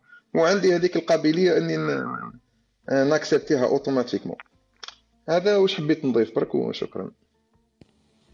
بارك الله فيك يعطيك الصحة أخويا كريم أهلا وسهلا بك. أه نفوتو يمكن آه، حميد أه في الدندنة تاعنا حوار الثقافة حول اليوم. التساؤل هذاك اللي طرحته قبيل حميد. est-ce que هي يمكن مكتسبة ولا غير مكتسبة؟ وما هي المعايير ولا كيف سميناها من قبيل؟ قلنا المفاتيح ولا هذيك للتغيير من من ثقافة إلى غير ثقافة ولا بالعكس؟ باش نطلعوا الثقافة وكيفاش نرجعوها تولي مجتمعات مثقفة. آه, آه، كان كاين واحد الخلط ما بين الثقافة والحضارة. نظن ما كاين شغل ديفيرونس بيناتهم. هذيك هي قلتها قبل c'est vrai كاين كاين واحد الشعر بينهم. الله يرحمه شغل لها بزاف بالحضارة أكثر من الثقافه صح هو دارها فصل برك في في آه. كتاباته عن الحضارة دار منها برك الثقافة كأنه خصص لها جزء برك صح. آه الثقافه شغل أنت كي إنسان كي يلبس آه، حضارة يلبس وخلاص. صح كي يلبس واحد اللباس في واحد ال contexte واحد السياق تبدأ ثقافة. تقريبا هذا هو الفرق هكا شوية. كي يأكل أكلة آه، يطيبها وكل شيء هذه من الحضارة شغل. الإنسان اللي متقدم soi-disant هو يشوفها باللي باللي حضارة خاطش. هذه هي الإنسان هكا هو يوجد ماكلته ماشي يروح يأكل direct كيما كيما كيما par exemple الوحوش ولا. إلى إلى هذا هذا شغل geste حضاري. صح الثقافه أنه ممكن يكون هذاك هذاك الأكلة هذيك الأكلة تكون مناسبة واحد مثلا l'anniversaire ولا عفسة ولا حاجة هكا اللي يحتفلوا بهذاك البلاد في ذاك في ذاك الوقت. هذا geste ثقافي. donc غير juste غير هكا. اما أما المثقف اما, أما تكون مثقف ولا ت accepter الثقافه الثاني كان كاين خلط est-ce que الشغل كي نطرحوا السؤال مليح انه نتمعنوا نقولوا عندنا ثقافة ولا مثقفين ماشي نفس الشيء. فلما تقول انت مجتمع مثقف أنا بالنسبة لي ما عندهاش بزاف معنى. بصح مجتمع عنده ثقافة تقدر تهدر عليها. إنسان مثقف ولا عنده ثقافة هنا تقدر تقول للزوج. تقدر تقول مثقف وتقدر تقول عنده ثقافة. وشغل اذا كانت اذا كان مثقف شنو معناتها واذا كانت عنده ثقافة شنو معناتها هو ي... هذيك اللي قلت عليها انت تاع الطبيعي ونعاودها برك بالخف آه، هما يقولوا tout ce qui est inné c'est-à-dire أي حاجة زدنا بها من المفروض تكون هي طبيعية حاجة naturelle غير نفوتوها في ال processus تاع l'éducation نتعلموا حاجة باش نترانسفورموها باش نحولوها إلى سلوك ترجع ثقافة. هذا هذا هو ال minimum تاع التعريف تاع الثقافة ال minimum اللي ما يقدروش يهربوا عليه. فتولي ثقافه بالتالي تولي ثقافه هي خاصية إنسانية. بصح المشكلة أنه شفت أنت كي تخدم هكا double feuille هكا ودير ال test وكل شيء تعطيها للأستاذ يعطي لك نقطة. المشكلة هذه شكون اللي يجي عليها ما كاش لازم ربي ولا يقول لنا كيفاه درك puisque حنا رانا نفكروا فيها. أما لا شنو قالوا قالوا هي هذا التفكير بحد ذاته داخل في الثقافة فكيفاش نخرجوه منها؟ هذه هي المشكلة. فأصبحت هنا ما كاينش حاجة ناتورال فهمت؟ أصبحت كل ما هو ناتورال متعد أنه داخل في الثقافة. ومن بعد كي يبداو يميزوا الثقافات يقول لك أنت عندك ناتورال أنا عندي ماشي ناتورال وهنا يصير النزاع. صح. هذه برك بغيت نقولها هذا ما صح. نخلي الناس يزيدوا يتكلموا. كما قلت انت قبيل عندنا في المصطلحات تاعنا شوية هذاك الخربشة ولا الخلطشة هذيك تاعنا حنايا ولات شوية خلوطه كما كنت تقول قبيل الأمور اللي, اللي تزيد بها وتبان لك طبيعية. فاحنا إحنا كاين بزاف مصطلح هذا تسمعوه وخاصة في في النقاشات هذه شوية يقول لك الفطرة بالفطرة تاعو. مي الفطرة هذيك هو عبر عليها بأمور واحدة أخرى. مثلا كما المثال اللي طرحته قبيل أنت هذاك في صميم حكاية المثلية. واحد يجي يقول لك بالفطرة يقول لك الطفل هذاك العقلية تاعو هكذاك بالفطرة هو ما موش هذاك هو الجسم تاعو. اي روح انت درك فهمها له باللي هذيك الفطرة تقول باللي لا لا مادام الجسم تاع رجل فهو رجل. واللي يجيك واحد آخر يقول لك لا لا هذيك مكتسبة لأنه العادات تاعو كذا تختلف. أروح أنت فهموا باللي لا لا الفطرة تكون هاك والفطرة تكون هاك. donc حتى في التفكير تاعنا est-ce que الأمور الطبيعية هي فطرية ولا مكتسبة؟ أنا علاش علاش فما وين يصير المشكل. بالذات؟ علاش ذكرت إيه؟ هذا بالذات؟ خاطر راني عارف حنا رانا بيناتنا ورانا مسلمين وعندنا نفس التفكير. صح. بصح بغيت نقول باللي كي تقول انت مثلا كي درت هذه الكلمة تاع ثقافة ورانا نتحدثوا عليها صح. ماشي ما عندهاش implication عندها implication directe في الدنيا. صح. وباش يكون عندها implication خصنا نحطوها في نزاع باين وانت من بعد تفيق. تقول باللي هنايا نزاع ثقافي برك تسمى لازم نعرف واش نهضر ونعرف كيفاش نتصرف لاخاطش تولي فيها les nerfs وكاع قادر واحد يبدأ يزعف وتوصل خطرات يدابزوا وكاع صح. تسمى على جال مفاهيم هنا هنا ترجع أهمية أنه تفك النزاع في الثقافة. هذه بغيت نقولها برك. اسمح لي اسمح لي هدرت بزاف ومصطفى خونا يدخل. إيه نسلموا على مصطفى. أستاذ مصطفى صباح الخير أهلا وسهلا بك. الله يصبحكم بألف خير أخي طارق. وش راح؟ احوالك أخبارك؟ خالد وعبد أختي حنان أختي أخي كريم وكل الموجود هنا. أختي أسماء. والله بك نذكركم مش راح نخلص الجمعة يا رجل. بعدكم كبير ما شاء الله. أهلا وسهلا بك أهلا وسهلا بك. أخوي مصطفى. الله يبارك فيكم. مصطفى أكيد هذا المحور يهمك وعندك ما تقول فيه حكاية الثقافة كيفاش أنت من الوجهة تاع النظر تاعك وكيفاش لاحظتها أنت؟ أكيد راك خلطت مجتمعات مختلفة وعاشرت ثقافات مختلفة فأكيد كان عندك كما نقولوا عندك وجهة نظر في هذا الباب الثقافة تاعك والثقافة تاع الشعوب التي عاشرتها. ولا أنت كيفاش تشوف الوجهة تاع هذا المصطلح هذا الثقافة؟ متى يكون ثقافة ومتى يكون الإنسان مثقف؟ يمكن حتى واش قال نبي الحميد نكملوا ونبداو بها. إيه، الله يجزيكم خير اخواتي الله يبارك فيكم. شوف الله أعلم الثقافة الثقافة هي تصرفاتنا وممارساتنا اليومية التي نكتسبها من المجتمع. آه، الأكل الشرب اللباس العادات التقاليد وكذا الأمور هذه. لكن عندنا الأمور آه، أهم شيء في الثقافة هي موضوع الدين. الدين عندنا حقيقة هو يعتبر من لماذا؟ لأنه آه، قبل ما نقول الدين مثلا تختلف. أول شيء نقول ثقافة عربية مثلا ثقافة إسلامية. مثلا الثقافة الجزائرية الثقافة المصرية على سبيل المثال. نجي للجزائر عندك الثقافة الأمازيغية الثقافة العربية التوارك عندهم ثقافة كل واحد عنده ثقافة. أو تروح مثلا في عند العرب توجد العرب نفسهم كل واحد تختلف ثقافة. تروح عند القبائل مثلا جرون آه، كابيل وبتيت كابيل تختلف ثقافة بينهم فاهمني؟ ف ولكن هذه الأمور كلها عندنا المشكلة الرئيسية الموجودة هي بين آه، الدين آه، كيف يقولوا بين الدين لمفهوم الثقافة. لماذا؟ المشكلة الرئيسية موجودة بين الدين الذي لا يستقر على تعريف محدد لهذه الثقافة. لما نقول الدين لا أقصد الدين الإسلامي وإنما أقصد المفهوم للأحكام الشرعية. لأن الدين الإسلامي شيء وفهمنا لهذا الدين شيء آخر. آه، دائما نضرب مثال بالمفهوم بالفهم فهم الإسلام. فيه آية دائما تعجبني والله تعجبني حقا.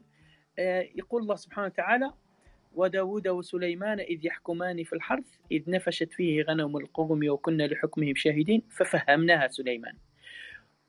مرة زمان حضرت في مسجد فواحد كان يشرح في هذه الآية. يقول شوف داود وسليمان عليه السلام عليهم السلام الاثنين أنبياء. ولكن القضية في جات أنه واحد كان عنده غنم ولا آه، كيف اسمه قطيعة غنم الآن بقر ماني عارف أنا إيش عنده. فواحد دخل هذا الغنم هذا دخل في الأرض تاع الشخص الثاني. اكلها الأخر تاعو الأرض تاعو الغلة اللي عنده هناك ما عارف أنا إيش كان عنده. فاكلها له فلما جاو قالوا آه عند داود عليه السلام يحكم بيناتهم. وش قال له داود عليه السلام؟ قال لهم أنت اللي عندك الغنم ترفد الغنم تاعك اللي كلت هذا الآخر تعطيها للراجل. وخلاص حق الخسارة. فسليمان عليه السلام إيش يقول له؟ يقول له لا أنا مش هكا لا تعرف سليمان الله اعلم ابن داوود. يقول له مش هكا يقول له واش يدير؟ يقول له الراجل هذا اللي عنده الغنم يعطيها لصاحب الأرض وصاحب الأرض يعطيها للغنم. إيه كما نقولوا يتبدلوا. هذا اللي اللي أعطى الغنم يمسك الأرض هذه يصلحها حتى ترجع كما كانت يعطيها لصاحبها وصاحبه يرجع له الغنم. معنى كل واحد مستفاد كل واحد. فلذلك بعد الله قال ففهمناها سليمان يقول لك علاش؟ لأن سليمان عليه السلام كان عنده الفهم الحقيقي لهذه القضية في هذا الموضوع. وبعد يقول كل أتينا حكما وعلما الاثنين عندهم العلم. مصح سليمان عنده الفهم لهذا القضية فهم. فهنا المشكلة. المشكلة في فهمنا نحن للمصطلحات الشرعية هذه للأحكام الشرعية هي تكون السبب لفهمنا للثقافة. لأن إيش؟ الفهم الدين يختلف من شخص لآخر حسب المدرسة الدينية التي ينتمي إليها.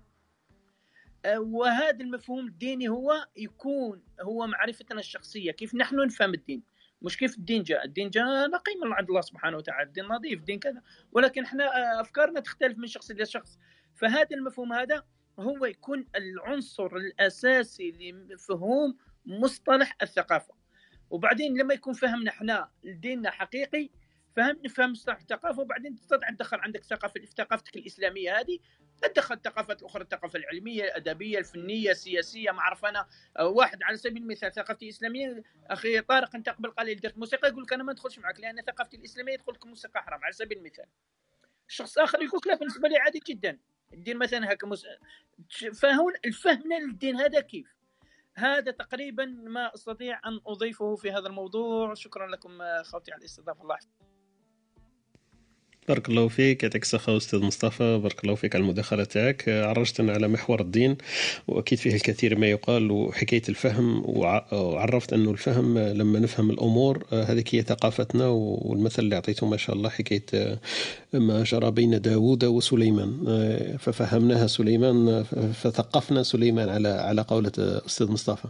بارك الله فيك يعطيك الصحة أستاذ مصطفى. طلعت معنا أختنا أمينة نرحبوا بها علاش قلت لك كان أعطيني فهم له الاقرع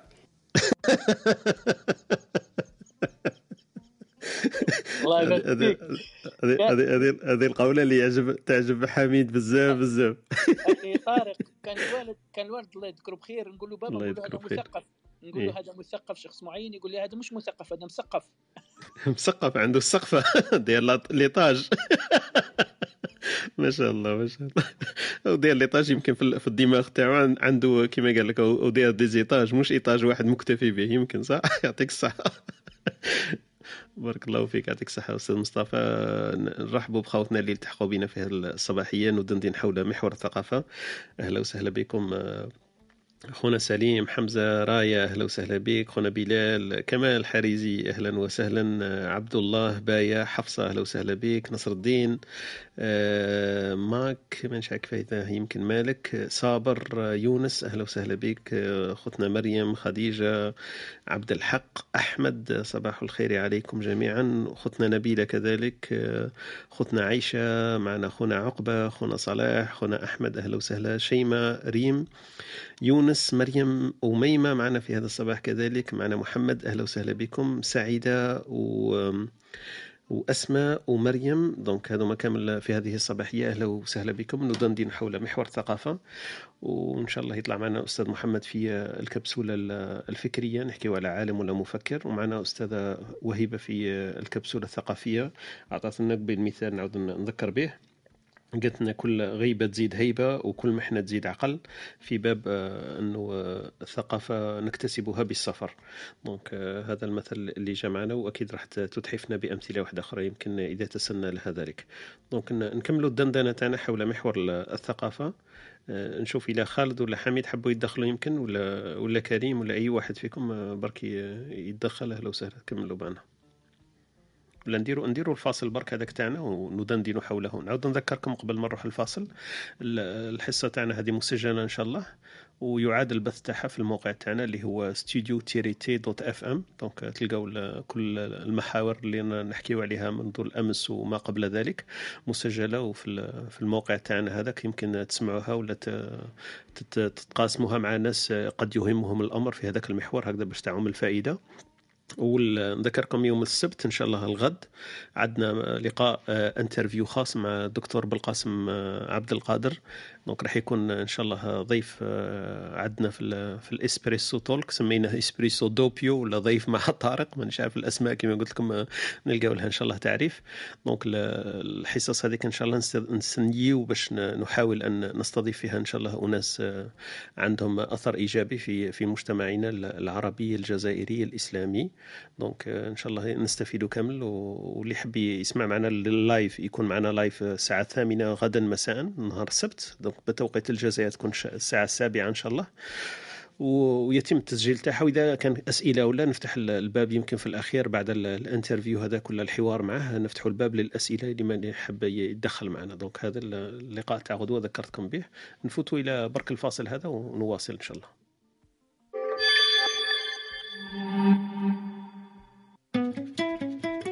أنتم تستمعون إلى إسبريسو توك مع طارق. يأتيكم يوميا ما عدا السبت والأحد من التاسعة إلى الحادية عشر بتوقيت أوروبا الوسطى وبيرن. تجدون فيها موسيقى، حوارات، أقوال، عبر وعبارات.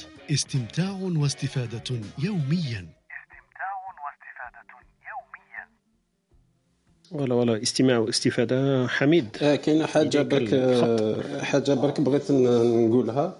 مورا ما تكلمتوا أنا أنا نفضل نفضل كلمة كلمة ثقافة شعوب مسلمة على ثقافة إسلامية. خاطش فرونشمون أنا بالنسبة لي أن نقولوا ثقافة إسلامية هذه أول خطوة أنا راح ندخلوا في في نزاع مش راح يكمل.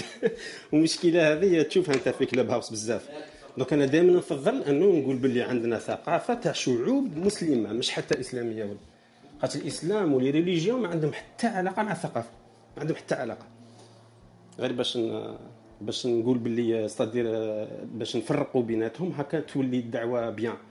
خاطر شكون تقول ثقافة إسلامية من بعد كاع يبداو يسألوا فيها من بعد يقول لك universelle من بعد تتخلط générale عندك الحق حميد. ما أنا لما سمعت الكلمة هذيك تاع ثقافة إسلامية ضربت في راسي. معناها لو, لو تقبلنا هذيك ثقافة إسلامية معناها نقدر نقولوا ثقافة مسيحية ولا ثقافة يهودية. وإحنا قبل في التعريفات قلنا هي طريقة سلوك البشر. ومن بين سلوكات البشر طريقة اللبس طريقة الأكل طريقة المشي طريقة العمل آه هذه الأمور. فأنا آه، لو, لو نقيسها على نفسي آه، أنا كطارق آه، طريقة اللبس تاعي في مجتمع أوروبي كيفاش نقدر نعبر عليها؟ تسمى طريقة إسلامية ولا طريقة مسيحية ولا طريقة ثقافة مسلم في مجتمع مسيحي ولا ثقافة ثقافة جزائري مسلم في مجتمع مسيحي ولا كيف؟ هي هي كما قلت كنا نربطوها الثقافة فقط وما نخلو حتى فرق بينها وبين الدين تاعها تولي ثقافة مسلم. فأنا كيف الثقافة تاعي؟ إذا عرفنا الثقافة هي السلوك والحيز تاع النشاط تاع البشر هذاك في, في هذاك المجتمع. فلو نقول أنا عندي ثقافة إسلامية كيفاه راني ناكل بالطريقة اللي ياكلوا بها المسيحيين مثلا؟ فهنا شوية كاين واحد كما نقولوا الارتباك. لكن الحل بسيط وسهل كما قلت و... و... ويجنبنا الدخول في المتاهات لما نقول كما قلت أنت أنا أفضل هذا التعبير اللي قلت عليه. ثقافة مجتمعات مسلمة يكون أحسن ولا ثقافة أفراد مسلمين يكون أحسن؟ آه، نديروا هذاك شوية الفاصل اللي هو يمكن بسيط لكنه عميق آه، في في في التعريفات تاعنا ويخرجنا من متاهات كبيرة قد نكون في غنى عنها. بارك الله فيك يعطيك الصحة أخوي حميد. خالد آه، آه، خويا كريم تفضل peut-être il a signalé ومن بعد نفوت أنا نعقب شوي آه، يعطيك الصحة خويا خالد. لا غير لل... بالنسبة على الثقافة تاع اللباس كما قلت خويا طارق أنا بالنسبة لنا إحنا شعوب شمال افريقيا كنا محتلين من طرف فرنسا. يعني كانت عندنا لباس وت... وتقاليد يعني ثقافة الجزائر يعني كانت البرنوس وكان على باليش أنا السروال هذاك بودليوه وكانت يعني النساوين تاع الجزائر يلبسوا الحايك والواحد دركا راهي تاثر خلاص يعني ما بقاتش هذيك ال... ولات شغل démodé درك. donc حنا رانا تأثرنا يعني بال... بال... بال... بالاستعمار الفرنسي. وأنا و... أنا نهضر على روحي أنا واحد منهم. دركا ما, ما تدخليش راسي باش نلبس مثلا برنوس. على الرغم الله غالب. يعني هذه من السلبيات اللي نعترف بها يعني. ما حافظناش على ثقافتنا. أيه. لما لما ما عارف إلا كنت معنا مصباح إحنا قلنا اللباس يمكن ولا الأكل ولا الشخشوخة والأمور هذه هذو راهم برك جزء من الثقافة ماشي هما كاع الثقافة ماشي ماشي زعما لو واحد درك يولي يلبس سروال الثقافة تاعو تتغير. يتغير برك الشق هذاك المتعلق باللباس يتغير. لكن الثقافة كقول لها ما, ما تحركش. أنت تخيل لو عندك سيارة مرسيدس مثلا وتروح تبدلها العجلة تجيب عجلة تاع فيات تركبها في المرسيدس. est-ce que السيارة كامل تاع ولات مش مرسيدس ولات فيات؟ لا العجله برك هذيك تبدلت ولا تاع فيات لكن السيارة مرسيدس تبدلها إلى أي مدى نقدروا نقولوا هذيك قاعدين مش مش مرسيدس؟ نقولوا مثلا لو تبدلها كلش تبدل capot تبدل carrosserie تبدل موتور تبدل الأمور هذو كاع تقدر نقولوا باللي صاي هذه ما ولاتش مرسيدس فيها مرسيدس قال اللوغو تاعها ما نقدرش نسموها مرسيدس فهمت؟ لكن أنا في بالي لما تغير اللباس تاعنا ولا العادات تاعنا تغير ولا الأمور هذه تغير هذه أمور صح داخلة في التركيبة تاع الثقافة لكن مش هي أصلا كلها الثقافة فهمت؟ صحيح صحيح. أنا متفق معك. لكن إحنا يعني كشعوب عربية ولا إسلامية أنا بالنسبة لنا أنا ثقافتنا إحنا ما كنا ممكن في قديم الزمان أثرنا على المجتمع الغربي. لكن إحنا بقى رانا غير كيفاش نقول لك نتقبلوا ثقافه الشعوب الأخرى. وراك تشوف في البلدان تاعنا تلقى الهيبي وتلقى الهارد روك وتلقى الواحد. هل يا ترى إحنا كشعب مسلم عربي اثرنا حاليا ولا قاعدين نأثروا على المجتمعات الغربية بطريقة أو بأخرى؟ يعني من ناحية تقا... لباسنا من ناحية تفكيرنا من ناحيه معليش نطرح لك سؤال؟ باش باش تبان باش تبان باش تبان الإجابة وين راهي رايحة. نتايا كي تدافع على هذيك الثقافة تاع تلبس البرنوس ولا تلبس حاجة واحدة أخرى ولا ما تخليش واحد يلبس حاجة واحدة أخرى شنو راح تفيدك شيء الفائده تاع الثقافة في هذا ال point برك. هي باش الإنسان يعرف على نفسه يعرف على هويته يعرف على منين جا. شوف مثلا إيه في هواي ولا في تعطي لك إيه. هوية. صح أنت في الهوية ديك شحال دير لك زعما. أنا بغيت نعرف برك à quoi ça sert الفائده تاعها شتاهي الفائده هي بالنسبة لي تخلي الناس يعرفوك.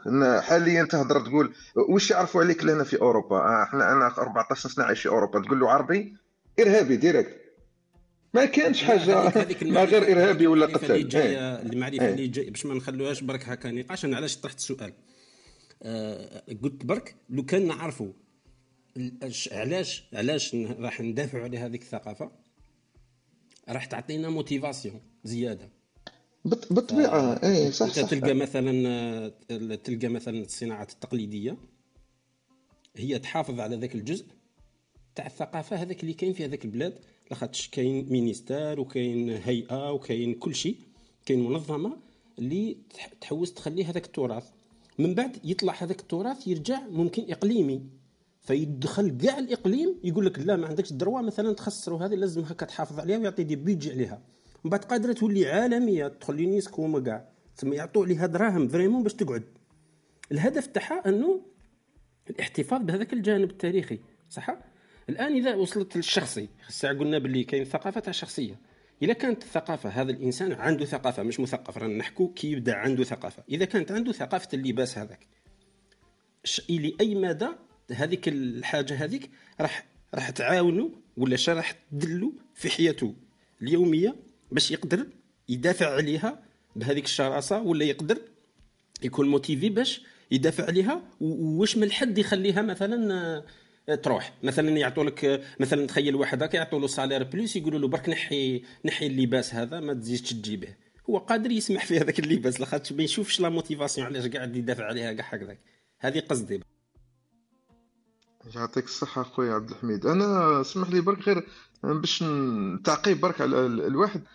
بالنسبة لي أنا كما قلت لك إحنا ماناش قاعدين ننشروا في ثقافتنا وهذا الشيء مؤسف يعني بالنسبة لنا أنا نحكي من أنا الإنسان يحاول بالمستطاع لكن الإعلام يعني تاع البلدان نتاعنا أيضا موش قاعد يلعب دور؟ لأنك راك تشوف يعني الثقافة الغربية إحنا تأثرنا بها في المجتمعات الشرقية ولا الإسلامية من من التلفزيون يعني من 94 ولا من 95 كان اللي عنده تلفزيون تشوفهم كيفاه يلبسوا تشوفهم كيفاه يفكروا يسمعوا الغناء يديروا هكا يديروا donc حنا بدينا خرجنا شوية من هذاك القوقعة اللي كنا عايشين فيها بكري وبدينا نتأثروا بها ودركا c'est bon ولينا غير نستقطبوا برك أي حاجة تخرج في الخارج automatiquement راح تلقاها في المجتمعات تاعنا. هذا واش حبيت نقول لك برك وشكرا. بارك الله فيك لا لا اسمع. يعطيك الصحة. كريم أه، أه، اسمحوا لي دقيقة صباح الخير عليكم كامل. صباح الخير. دقيقة برك معليش نكملوا برك. كريم قبيل كنا ديجا طرحنا واحد الإشكالية بين الثقافة والحضارة. يمكن هذيك لو تعاود ترجع الحكاية تاع في البداية اللي ناقشنا فيها الفصل بينهما تعرف باللي علاه حنايا رانا نتبعوا في الحضارات ولما كنا إحنا حضارة مثقفة ولا حضارة متقدمة كانوا الناس يتبعونا. هما كانوا بكري يلبسوا اللحية ويلبسوا العباءة العربية في وقتنا كي كنا في الدولة العباسية والدولة الأموية كانوا هما يتبعونا. مش إحنا نتبعوهم لكن ظهرت العكس. درك إحنا ولينا نلبسوا كيما هما. هذه يمكن تطرح جانب من الجواب. رحبوا بخوتنا اللي التحقوا بنا خونا أحمد خوتنا أسماء خوتنا أمينة وخونا محمد وخونا زاك يمكن زكريا. أهلا وسهلا بكم في هذه الصباحية. ندندن حول محور الثقافة ونرحبوا بخوتنا اللي راهم يستمعوا فينا لتحت. ما نعرف شكون اللي كان طلع معنا في, الأول. خوتنا أمينة يمكن نعطوك الكلمة ونفوتوا الأخرين على التوالي إن شاء الله. تفضلي أختي أمينة. ولا خالد حبيت تقول شيء؟ تفضل استنى خالد يمكن؟ سامحيني أمينة. آه، خليه يحكوا اللي ما حكوش بركم. اكزاكت يا يا. تفضلي أختي أمينة ونعاود نرجع إن شاء الله. شكرا. السلام عليكم. وعليكم السلام. آه، موضوع الثقافة. آه، كل ما نحكوا على المجتمع ما نقدروش نحكوا عليه بدون ما نحكوا على الثقافة لأنه المجتمع في تركيبته عندنا البنية النظام وعندنا الثقافة. هل الثقافة موجودة في كل المجتمعات أم لا؟ نعم هي موجودة في كل الثقافة في كل المجتمعات لكن كي كيف أو نوعيتها هي هي هي الفارق بين مجتمع وآخر. يعني هل الثقافة تسمح بتقدم مجتمع معين أو لا؟ هو الذي يخلينا نحكم على نوع هذه الثقافة وفائدتها في المجتمع. هل تسمح للبنية والنظام بالحركة الطبيعية الحركة النامية؟ اذا إذا كان هذا إذا كانت الثقافة تسمح بهذا فهذا المجتمع ثقافته آه، يعني مليحة. الثقافة آه، وش هي؟ في علم الاجتماع والعلوم الإنسانية يعرفوا الثقافة يقول لك هي التصور العام اللي عند المجتمع حول العالم. يعني المجتمع هذاك وش هي؟ تصورات اللي راهي عنده على العالم كله. آه، الثقافة عندها مكونات من مكوناتها العادات التقاليد الدين كل هذا يعتبر من الثقافة. وفي اللغة العربية الثقافة جاية من المهارة وأنه الإنسان مثقف وإنسان حذق يعني عنده مهارة معينة. دونك هذا هو الثقافة كلها. إذا الحكم على على ثقافة هل هي آه، يعني جيدة أو غير جيدة؟ هو تقدم تقدم المجتمع. تقدم المجتمع هو الذي يسمح ل يسمح للحكم على نوع الثقافة. آه، إذا آه، المثقف آه، من هو الإنسان المثقف؟ هو الإنسان يعني اللي في التخصص تاعو عنده في تخصصه يعني يجيد إجادة لتخصصه وفي نفس الوقت منفتح على على التخصصات الأخرى وهو إنسان موسوعي في التعريف العام تاع إنسان مثقف وكيف باش نحكموا عليه إنسان مثقف. نشوفوا إنه عنده مهارة عالية في تخصصه وفي نفس الوقت عنده موسوعية. اذا هذا هو الإنسان المثقف. وكاين بعض العلماء ولا المفكرين اللي يعرفونا المثقف يقول لك باللي المثقف هو اللي يعني يحمل قضية. كما إدوارد سعيد هذا المغترب دائما يعرف الإنسان المثقف يقول لك ما نقدرش نقول أنه هناك إنسان مثقف إذا ما كانش يحمل قضية يعني يخدم على جالها. هذا واش نقدر نقول على على الثقافة؟ يعطيكم شكرا لك أختي أمينة يعطيك الصحة على المداخلة تاعك. آه، نفوتوا لخوتنا أسماء إن شاء الله. تفضلي أسماء. أه صباح الخير.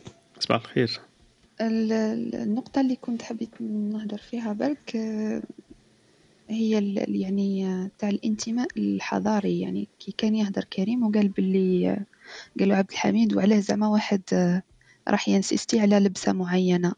آه، هي صح ما عندها ما تفيدنا في الحياة اليومية نحن كأفراد يعني كي نسيستي أنا نلبس الحايك ولا جبة surtout حاجة ما بقاتش تساعدني.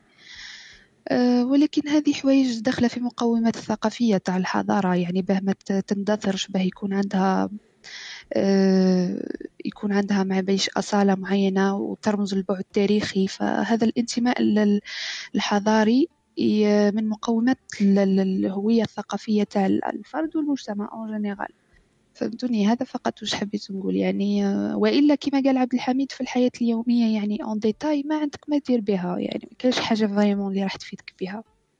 يعطيك الصحة أختي أسماء. بارك الله فيك. أه... نفوتوا لخونا أحمد. أحمد أهلا وسهلا بك. صباح النور عليكم الحضور والمستمعين. يعطيك الصحة الأخ طارق الأخ عبد الحميد على هذا الموضوع. يعجبني بزاف الموضوع هذا. وأنا دائما نحب ندخل ال interaction تاع الحاجات الإنسانية في ال في ال في الاقتصاد. ما باليش est-ce que المهنة تاعي تخليني نروح لهذا المنحى ولا المنظور من الرؤية ولا ال perception بصح كي نشوفوا مثلا الخليج. الخليج معناتها خلينا نقولوا فرضوا ثقافة تاعهم ويروحوا حتى لأوروبا بالثوب تاعهم وكل بلد عنده اللبسة تاعو.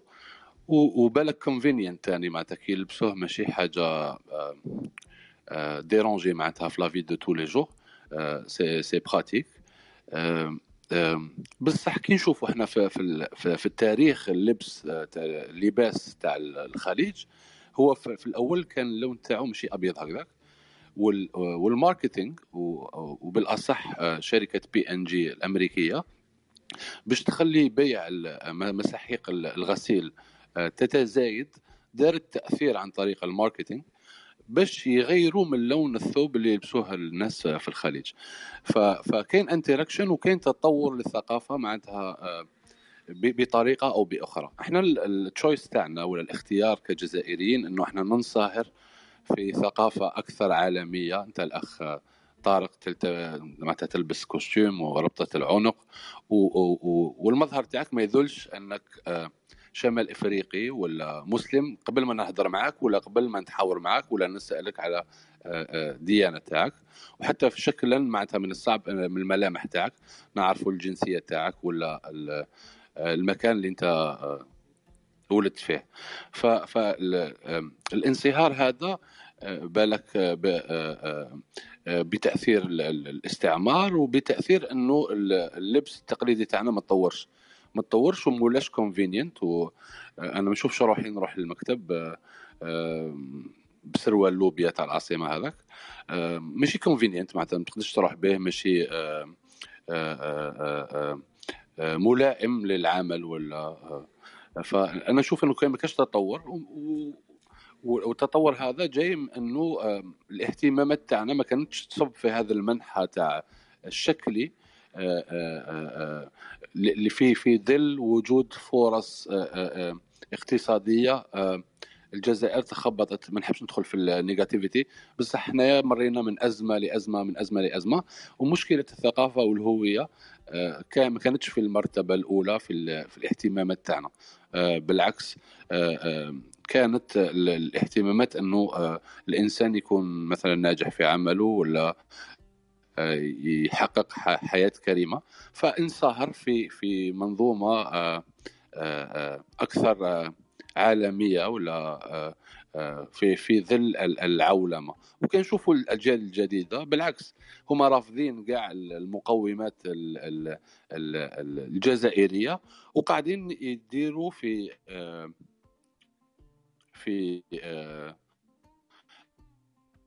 تقليد أعمى لوش كاين comme leaders أنا أشوف مشكل عدم وجود ريادة وقيادة وناس مؤثرة. يعني ممكن تكون عندها علاقة بالثقافة الجزائرية بكل تنوعها واختلافها. هو اللي يخلي الشباب يكون ال models تاعو كريستيانو رونالدو ولا ميسي ولا مغني معين ولا رابر معين. فهذا راح يزيد في الانفصام تاع الشخصية تاعنا. وأنا أشوف الجزائري معناتها في السنوات القادمة راح يكون أكثر عرضة للعولمة وماحش يكون يشبه الجزائر اللي عنده 50 سنة ولا 60 سنة. ثاني الأمور الاقتصادية تخلي باسكو أنتم في التعريف تاعكم قلتوا إن الثقافة هي السلوك. ففي ظل ال frustration الموجودة في عدم وجود alternatives و و opportunities راح تولد نوع من ال asphyxie معناتها people cannot breathe فالسلوك تاعهم راح يكون عدواني راح يكون استفزازي. وهذا اللي رانا نلاحظوه مؤخرا. معناتها في ظل عدم وجود أهداف آه، نصبح مستفزين نصبح نيجاتيف. بالعكس لو كان كل واحد عنده طموح وعنده هدف راح يكون إيجابي راح يكون أكثر متأصل بالثقافة تاعو بالحضارة تاعو. شكرا لإتاحة الفرصة. يعطيكم الصحة على الموضوع. بارك الله فيك خويا أحمد. شكرا على المداخلة تاعك وعلى الاستماع تاعك وبارطاج تاع تاع الفكرة هذه اللي اللي قلتها أنا على الثقافة الجزائرية ولا الهوية الجزائرية ولا إنه المجتمع العربي كما قلت أنت ولا الخليجي يعرف كيفاش يحافظ أنا نقول يحافظ أكثر من يصدر لأنه بالك لما يروحوا المطارات صح يلبسوا الثوب لكن ما تشوفش حتى مجتمعات واحدة أخرى تلبس الثوب إلا هما هما حافظوا عليه يمكن ولا افتخروا به أكثر من مجتمعات واحدة أخرى.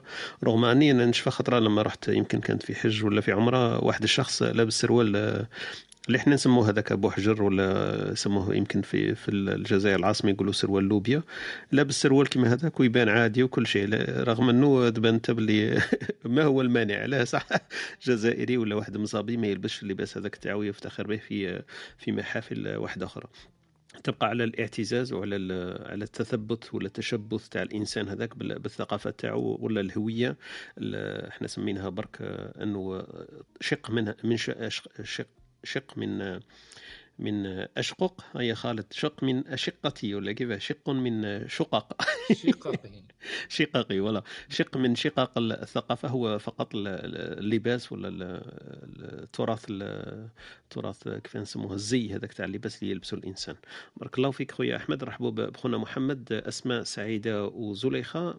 خالد كان عندك ما تقول يمكن برك على الكلام الأخ. فقط آه، حبيت نذكر واحد الجانب هنا. آه، وهو التحدي اليوم في العالم في مسألة الثقافة آه، والبناء الحضاري. أنا نشوف فيه هو تحدي فيما يسمى بالأخلاق. هذا المفهوم اللي إحنا حبيت نركز عليه اليوم. هذا المفهوم اللي كثير من الناس اليوم بلا ما ندخل في في الأنظمة اليوم تاع الرأسمالية وما إلى ذلك اللي تعتمد على الفرد وما إلى ذلك وش هي أهمية المعلومة ولا البعد الاقتصادي ولا البعد هذا التكنولوجي ولا حتى الصناعي؟ إذا كان في النهاية لا يؤدي إلى تحسين آه تحسين حياة الفرد. وهذا المشكل نتاعنا اليوم. المشكل نتاعنا اليوم هو كيفاه نلقوا الأرضية هذيك اللي نسميها الأخلاق ما عندهاش تسمية أخرى. كيفاه نلقوا ذلك النمط الذي يؤطر آه بطريقة رشيدة هذا السلوك تاع الفرد باش كيخلي حتى استغلال تلك الثقافة استغلال رشيد في المجتمعات. نعطيك مثال. كثير من العلماء آه، تم عزلهم لأنهم نادوا بهذا المبدأ. المبدأ اليوم أنه استعمال المعلومات ولا أي بعد من أبعاد الثقافة حتى بما يسمى بالهوية. أما استغلالها بطريقة رشيدة باش كيتحسن بها دور الفرد في المجتمع الذي يعيش فيه. وش هي الفائدة اليوم إذا كان طورت قنبلة نووية باش نقتل بها خويا؟ هي تطوير الجانب التكنولوجي. هو مهم جدا. أما كيف أجعله مفيدا؟ وهنا بيت القصيد. هي الأرضية وكشون هذاك الكون اللي نحكي لك عليه قبيلة والبعد بين الجسمين. عبكشي وهو هو الأخلاق. الأخلاق هي التي تحسن آه، أي بعد البعد المنطق العلمي والبعد التكنولوجي وحتى البعد الاقتصادي اللي كنا نحكوا عليه. باش كي علاه باش كي يخلقك الإلكترون الحر هذاك اللي يحسن اللي يربط بين الإنسان والإنسان الآخر. مش يسرع الفجوه حتى كنت تشوفوا إيلون ماسك مؤخرا والانتقادات تيسلا نادى بهذه الأمور فعزلوه. آه، أي واحد من دعاة هذا المبدأ حتى أينشتاين بعد في نهاية عمره بعد ما ندم على الشيء اللي دار وش قال لهم؟ قال لهم انه الإنسان آه، دون أخلاق حتى العلم دون أخلاق يولي الإنسان أعمى يولي ما على بالوش وش يدير وبالتالي الشيء اللي حبيت نقوله أنه هنا أنه الأرضية التي يجب أن يتبناها الإنسان في مفهومه الثقافي حتى يجعل من السلوك في النهاية رشيد هي الأخلاق. إيلون ماسك مؤخرا كيخلق فوضى في قدام الدولة آه، لأنه هو حب يستثمر في المجال التكنولوجي نتاعو ومش حب يتوقف لأنه التسارع قاعد يزيد في التكنولوجيا هو مش حب يتوقف. قال لهم هذه هي هذه هي الدنيا عجبك عجبك في تصريح قال له عجبك عجبك ما عجبكش لازمك تتخذ نفس نفس المبدأ وتمشي اون باراليل الشيء اللي حبيت نقوله هنا أنه الثقافة اليوم لازم يدخل فيها المعيار الأخلاقي باش كيكون عندها بعد حضاري وإلا الثقافة راح تبقى فردية وراح تموت في بلاصتها. والله أعلم. باش نفهمك مليح خالد اسمح لي طارق. أه، أه، تجاوبني على هذه باش نترجمها برك. أنت بالنسبة لك الأخلاق كي تهضر على الأخلاق معناتها éthique هي éthique ولا valeur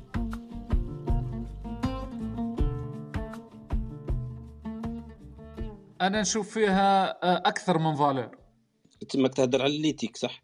على l'éthique باش نفهم برك يعطيك شكرا. دونك هذه مداخلة أخونا خالد. قيمة الأخلاق فيما يعد إلى بقاء الثقافات وعالميتها يمكن ولا انتشارها. بارك الله فيك خويا خالد.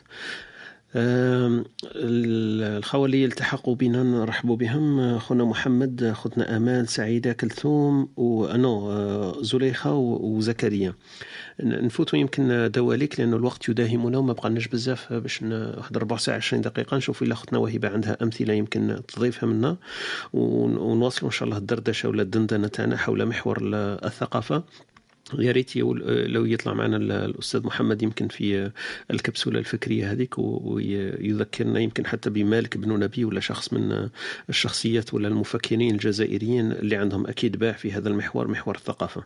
نفوت دون إطالة لخويا محمد ونواصلوا إن شاء الله نظن زكريا هو الأول ولا لا؟ الله أعلم. أنا درت ال refresh هذيك pull down عندي يظهر لي إنه زكريا صحيت. عندك الحق اسمح لي مالا زكريا. زكريا تفضل ونفوتوا محمد بعد ذلك. السلام عليكم صباح الخير. وعليكم السلام أهلا وسهلا. آه الله يسلمك خويا. آه الثقافة باش نتكلم عليه bon أنا ما نعرفش بزاف هذا ال sujet mais le peu que je puisse dire في هذا ال sujet هي الثقافة تقدر تكون ثقافة بلد تقدر تكون ثقافة الشخصية يعني الإنسان يكون عنده مثقف يعني عنده عدة معلومات في مواضيع مختلفة. سمحوا لي أني شاهد الولد راني نربي على صغري. لا لا ما, ما ديرش عليك. خليه رانا عادي حنا ثاني رانا هكذاك ساعات. الهم normal. الله يسلمك. أه تقدر كما قلت لكم ثاني تكون ثقافة تاع إنسان يعني يكون مثقف في عدة مواضيع مختلفة. mais à part ça ما عندي حتى عفسة كبيرة نقدر نقول على هذه الكلمة. يعطيكم الصحة على كل حال. يعطيك الصحة اخونا زكريا بارك الله فيك. الله يسلمك. نفوتوا لخونا محمد. محمد تفضل. أهلا وسهلا بك. السلام عليكم. وعليكم السلام. bon آه، حبيت برك آه، خاطر déjà حمد هضر عليها. على كريم قال لك على الثقافة الأوروبية ولا الثقافة تاع l'occident طغات على ولات ولات عندها un usage quotidien عندنا حنايا. بالك عندي petite explication économique عندي formation في l'économie ma formation initiale في l'économie بالك عندها expliq عندها طابع اقتصادي. خاطر أنا واش باينت لي بلي هذوك هذوك الشعوب ولا هذوك الحضارات ils ont su عطاو لها عطاو لها الثقافة تاعهم عطاو لها قيمة مادية. دخلوها في إطار اقتصادي عطاو لها قيمة مادية. donc رجعت en quelque sorte un produit un produit commercial نقدروا نبيعوه نقدروا يقدروا يبيعوه يقدروا يكسبورتيوه للناس واحد أخرين ولا حضارات واحد أخرين ولا ثقافات واحد أخرين. donc كي عطاو لها هذاك الطابع الاقتصادي هذاك وعطاو لها الطابع عطاو لها le statut d'un produit donc le produit يقدروا يطوروا فيه باش يكون يكون عنده un usage كيفاش يقول لك نقدروا نوتيليزوه في ال quotidien تما يلي يلي كيفاش يقول لك راهو يقدر نوتيليزوه quotidiennement في اللبس في في الماكلة في كلش نقدروا نوتيليزوه. يلي يلي كيفاش يقول لك il est, euh, euh, je n'ai pas trouvé le mot, il est euh, praticable, c'est-à-dire نقدروا نوتيليزيوه في ال quotidien mais mais mais يجينيش طوروه حنا اللبسه par exemple اللبسه الاوروبيه voilà واللبسه الاوروبيه par exemple ما, ما نقدروش نقولوا جات هكاك من العدم elle est elle est inspirée من اللبسات تاعهم التقليديه تاع بكري donc اللبسات التقليديه هذيك كانت كانت هي هي عنصر من الثقافه بصح واكبه العصر باش تكون acceptable كاع les autres les autres les autres الحضارات الأخرين. وكاين عطاو لها هذيك le statut تاع un produit donc نقدروا نابليكيو عليها ال marketing الإشهار كيفاش كيفاش نقدموها نعطوا لها الإيجابيات تاعها للناس الأخرين. donc إحنا هاد هاد العامل هدايا فإحنا عندنا par في الجزائر ما نيتيليزيواش الثقافة عندنا شغل شغل عفسة قديمة مازالها قديمة. usage تاع تاع راس ولا usage مش عارف تاع شنو encore راحت donc هذاك هذاك الشيء هذاك ما ما ما قدرناش نرجعوه شغل شغل ما قدرناش نعطيو قيمة مادية. on va le monétiser par exemple نرجعوه un produit اللي نقدروا نخدموا عليه comme une base باش الثقافة تاعنا تكون تكون نقدروا نبيعوها نقدروا نكسبورتيوها donc je crois que على جال هذاك الشيء الثقافه الاوروبيه طغات على على على جميع الثقافات الاخرين والله اعلم وعندي برك سؤال العبد العبد الحميد est-ce que البنيان طريقه البنيان هي من الحضاره ولا من الثقافه خاطش je vois par exemple حنا في المغرب عندنا le Maroc il a su exploiter هذاك هذاك العمران هذاك spécifique تاعو باش رجعوه un produit. c'est-à-dire que le tourisme كي le touriste كيجي من الخارج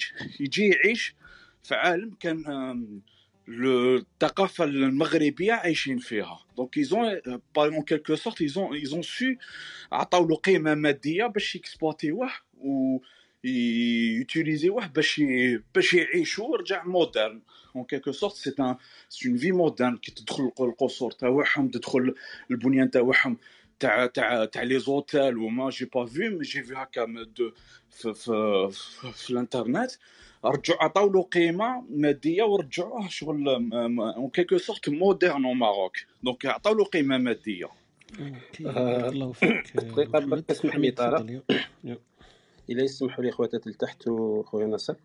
آه عندي juste une question justement هذه ال question كنت راح نبوزيها لك. ليك أنت محمد واحمد أنت بوزيتها لي بالمقلوب. mais أنا نعاود نريفورميليها ونعاود نحطها. إلا تقدروا تجاوبوا عليها باختصار. الا ممكن. الا ماشي ممكن. نخلوا خواتنا بعد تعاودوا ترجعوا لها هي لأنه إلا طلعناها ال niveau économique باش باش نشرحوا وعلاش كاين ثقافة تطغى على ثقافة واحدة أخرى؟ أنا بالنسبة لي مش راح نقدروا نقدموا vraiment vraiment explication وعلاش؟ خاطش هذه يقدر l'économie تقدر تستعمل أي حاجة. مثلا شفناها في تقدر تستعمل مثلا la religion في الحلال في ال Mecca Cola.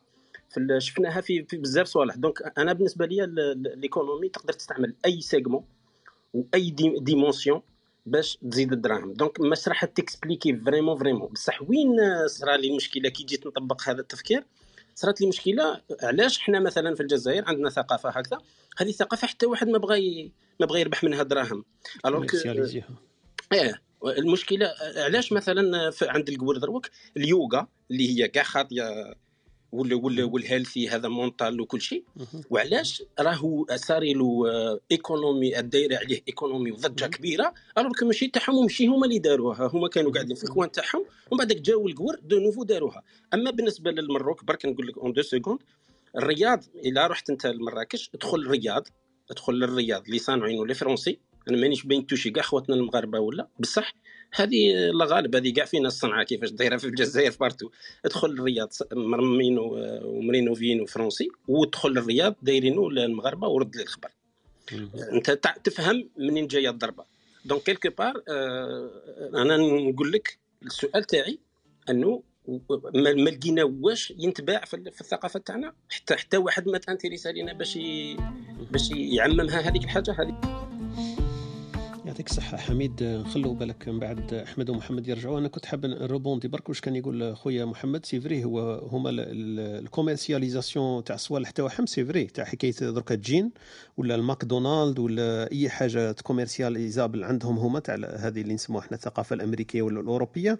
لحقت عندنا comme produit. donc واش راهو يقول؟ c'est vrai mais est-ce que c'est pas ثاني ماشي هما اللي حبوا يبوسيوها؟ حنا حبينا نشارشوها comme quoi باللي الثقافة تاعهم ولا تاع magnet ولات مغناطيس وجذبتنا لهم حنا باش ولينا نتقلدوا بالأمريكان ولا بالأوروبيين ناكلوا كيما هما الماكدونالد نلبسوا كيما هما جين نروحوا السينما كيما هما. بصح هما راهم في في في كيما نقولوا في, في الذروة تاع التقدم تاعهم. donc راهم هما مغناطيس يجذبوا بالثقافة ولا بالحضارة تاعهم. وهذا المصطلح نعاودوا نأكدوا باللي كاين واحد الفرق بين الحضارة وبين الثقافة. وراك déjà بوزيت la question هذيك subtilement تاع الصح est-ce que حضارة ولا ثقافة.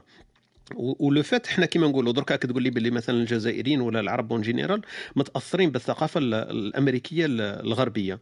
حنا تأثرنا بالماكدونالد تأثرنا بالجين تأثرنا بهوليوود. بصح ما تأثرناش حنا بالعلماء تاعهم مثلا ما تأثرناش بالأوبرا ما تأثرناش بالكتابة والثقافة تاعهم والكتاب الأوروبيين. حنا ثاني لازم يكون عندنا كتاب عرب.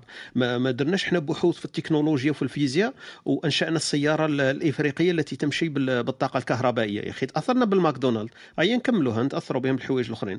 حكاية المواظبه على الوقت حكاية الإتقان حكاية هذو الصوالح normalement تاثرنا بهم. mais حنا كما كان يقول وقيل حميد هما داروا هذيك la culture تاعهم استعملوها commercialiser des produits حنا هزينا les produits. mais كاين des produits واحد آخرين حنا ما حبيناش نهزوهم mais هذه ترجع كما قلت est-ce que هما داروا l'effort باش يكوميرسياليزيوها ولا حنا برك الجاذبية والمغناطيس دانا ليهم ورانا نكونسيمو في ال produit تاعهم.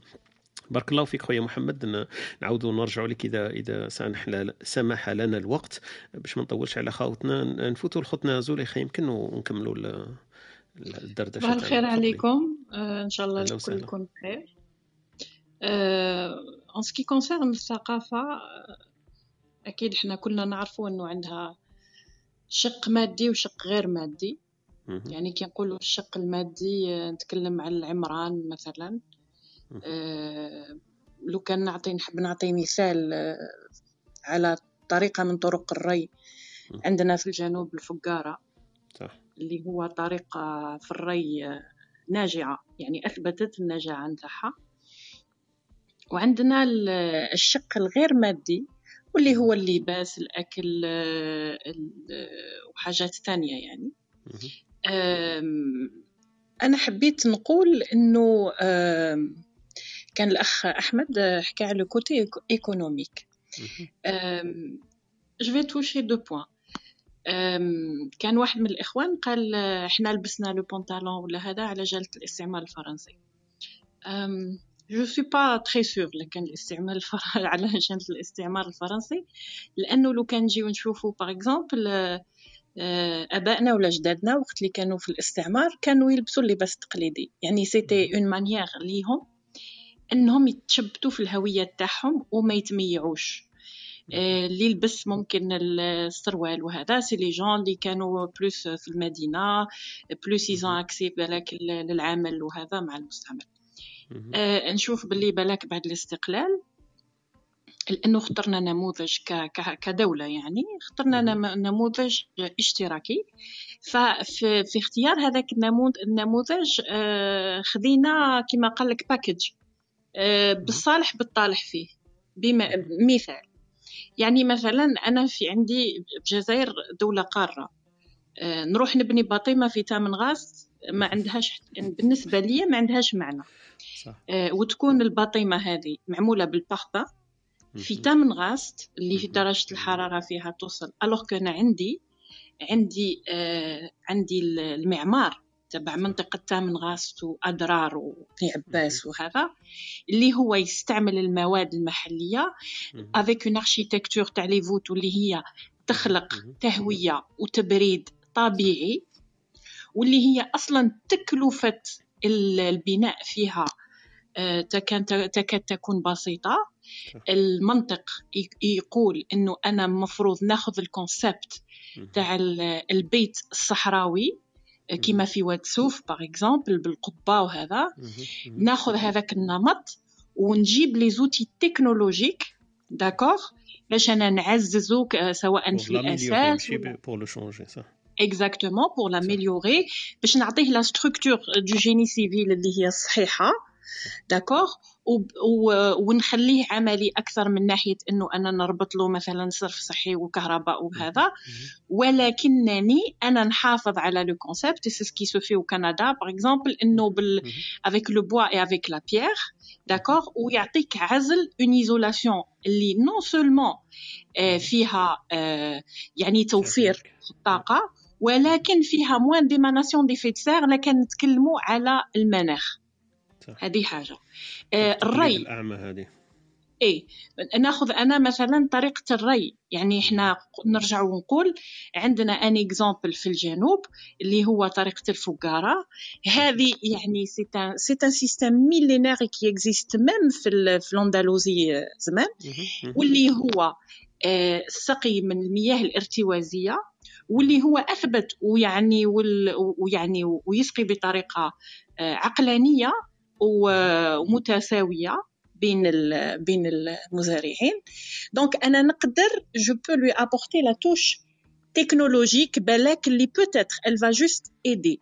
D'accord? Mais je prends le concept لأنه le concept أثبت النجاح النجاح تاعو d'accord نرجعوا لللباس.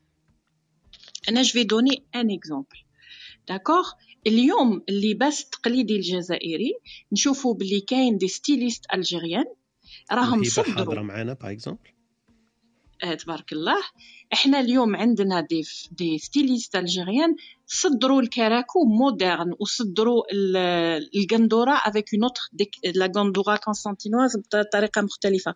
وبداو فعليا ils attirent اليوم par exemple نقدر نقول لك إنه في الكويت البدرون اللي اللي تروح تخيط بدرون ولا تشتري بدرون تعتبر حالها راهي يعني top وبالعكس واش يقولوا؟ يقولوا كاين بزاف ناس يقول لك أنتو الجزائر كبسولة مغلوقة. نجهلوكم. ما تصدروا لا ثقافتكم لا le savoir-faire نتاعكم d'accord فهذا الشق الغير مادي. أنا نعطي مثال آه، خويا محمد تكلم على المغرب. هذا العمران اللي في المغرب هو فعليا العمران اللي موجود في كل شمال إفريقيا وانبثق من آه، c'est ce qu'on appelle l'arch- l'architecture mauresque اللي جا اللي من الأندلس. الزيانية d'accord؟ وح... أيوه. وحنا ثاني ديار الزمان وسط الدار وهذا cependant en adoptant le, le, le, le modèle, euh, euh, disons, euh, socialiste, la Russie, la Russie بناو des bâtiments حنا رحنا بنينا des bâtiments اليوم حنا واش عندنا عندنا مشكليه كبيره on a des cités ghettos immense عندنا des bâtiments وعندنا شباب ما عندوش حتى مرافق. et donc se retrouve ما عندوش حتى مرافق يعني ترفيهية أو رياضية أو كذا. فيخلق مشاكل واحدة أخرى au lieu que حنا بلادنا au lieu qu'on développe à la verticale نروحو نديفلوبيو à l'horizontale كيما بكري. في في في bien sûr en utilisant les mécanismes enfin les outils technologiques modernes. عندنا في واد سوف طابع عندنا في الجنوب طابع معين عندنا في الشمال طابع معين نعاودوا نخلقوا كي نعاودوا نخلقوا هذا الشق أو أو هذا le patrimoine نتاعنا architectural واش نديروا الأجنبي الأمريكي أخ طارق انت عايش في سويسرا. السويسري كي يحب يروح وي passe des vacances يحب يشوف حاجة جديدة يحبش يشوف لوبيرا تاع تاع la Suisse ولا يحب يشوف هو déjà عينيه وجعوه من الخضورة يحب يجي يشوف الصحراء تاع الجزائر تاع تمنغاست الصحراء. d'accord ويحب يروح ال... ال... يروح يدير un bivouac في في التاسيلي ولا يحب يروح par exemple للجلفة لا ريجيون ستيبيك داكوغ ويشوف الخيمه تاع ولاد نايل ويشوف دونك هذا لو لو لو, لو توريست qui vient de l'Occident, où, il y a, où, où c'est tellement développé, d'accord yep. Il vient pas pour le développement. Mahouch Jay pour rester dans un étal, il peut rester dans un, un hôtel 5 étoiles de type de type Ouadsouf, de type Ouadsouf. Oui, d'accord. Kain parce que tani le touriste c'est darajat, kain li jib le backpack, يحب يبيفواكي صح كاين اللي يحب il, il, il perd pas son, son truc, son, son luxe, ولكنه il a un dépaysement total ياكل الشخشوخة ياكل الفريدة يروح لي au plateau ياكل الرخيص donc il y a un potentiel économique énorme C'est vrai, Hadi, pour à, répondre à la question à revaloriser. Pourquoi on n'a pas commercialisé la culture Tana ou on n'a pas utilisé la, le marketing pour exporter des produits وراح وراح نقول له الخونا عبد الحميد على مثال ناجح احنا لو كان يعني اليوم نصحاو ويكونوا des entrepreneurs ما يقعدوش يستناو الحكومة والسياسات ولا ولا ولا la politique générale ولكن إنه ناس كيما دار مهري في في ال complexe تاع الغزالة في واد سوف c'est-à-dire يروح يعاود il, il هو il investit بصح avec هاد la thématique avec هاد l'approche إنه أنا je vais attirer هاد le touriste que ce soit le touriste étranger ولا حتى le touriste في الجزائر. لأنه سي طارق أنا نقول لك حنا في الجزائر كاين ناس في ولاية يجهل exactement واش كاين في الولاية الثانية. d'accord parce que ما مشالهاش وحتى الجزائري حنا نجهلوا المناطق تاعنا. أنا بالك في الوسط ما نعرفش الغرب ما نعرفش الشرق ما نعرفش كذا. هذه أيوة. général الجزائريين وكاين- الولايات تاعهم ما يعرفوهاش. c'est vrai هذه.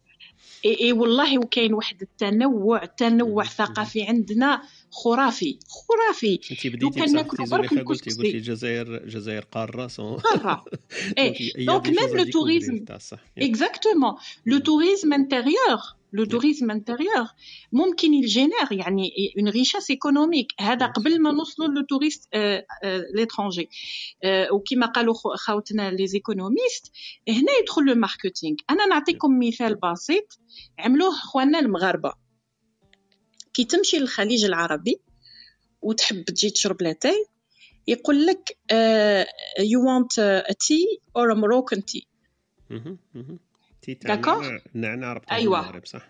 آه، الشاي الأخضر عاد une عاد une marque déposée تاع le Maroc d'accord alors que par exemple كي تقول إنه هذا شاي أخضر؟ وكامل شمال إفريقيا يديروا هاد لاتاي يقول لك لا هذا الشاي المغربي.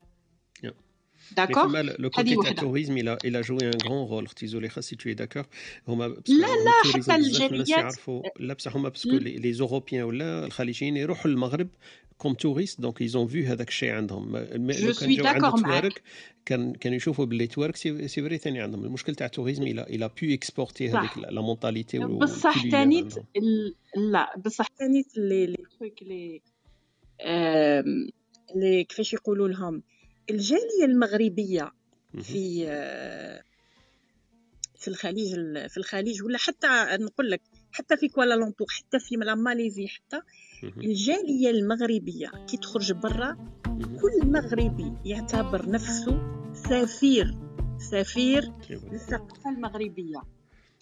آه، أختي زولي المرأة؟ خليني حاب نسمع ليك mais je m'excuse parce que مازالوا لنا بزاف اللي ما ألو؟ تدخلوش و le temps le temps يجبد فينا راهي déjà dépassé de 5 ولا 6 minutes وكاين 2 3 personnes ils ont même pas intervenu donc الا تسمحي لي ن- ورا. آه، معنا عفوا؟ ما سمعتكش. خرجت؟ آه d'accord قلت لك شوي désolé زوليخا كنت حاب نسمع ليك لكن malheureusement كاين Y a 2 pas 3 de personnes. ils sont pas encore intervenus y a pas de souci وأنا désolé طولت عليكم. لا لا لا c'était intéressant واش كنتي تقولي لنا كاع؟ كان مثير لل... للاهتمام و très intéressant واش كنتي تقولي لنا. برك حاب نخلي خوتنا باش ما يطولوش إيه، بزاف. تفضلوا. intervenir خوتنا سعيدة وخوتنا الأخرين اللي ما دخلتش معنا. وبعد نعاودوا نرجعوا لك إذا كان في ال- الوقت باقي إن شاء الله. و merci infiniment pour l'intervention تاعك أه شكون اللي راهو معنا؟ دركا سي سعيدة. سعيدة تفضلي. آه، الثقافة يعني هي أمر آه، مكتسب لكن عادة يرتبط يعني بالفضول الفطري آه، الذي يولد يعني مع المرء يعني حتى الطفل الصغير آه، في الشهور الأولى نرى فيه يعني فضول يحاول معرفة كل ما يدور حوله يمعن النظر في أشياء يثبت في السمع أو يلمس أشياء. هذه للتعرف عليها يعني هذا الطبع الفضول الذي أخرج سيدنا آدم من الجنة عندما أشبع فضوله بمحاولة معرفة يعني تلك الشجرة التي نهاه الله أن يأك- أن يأكل من ثمرها.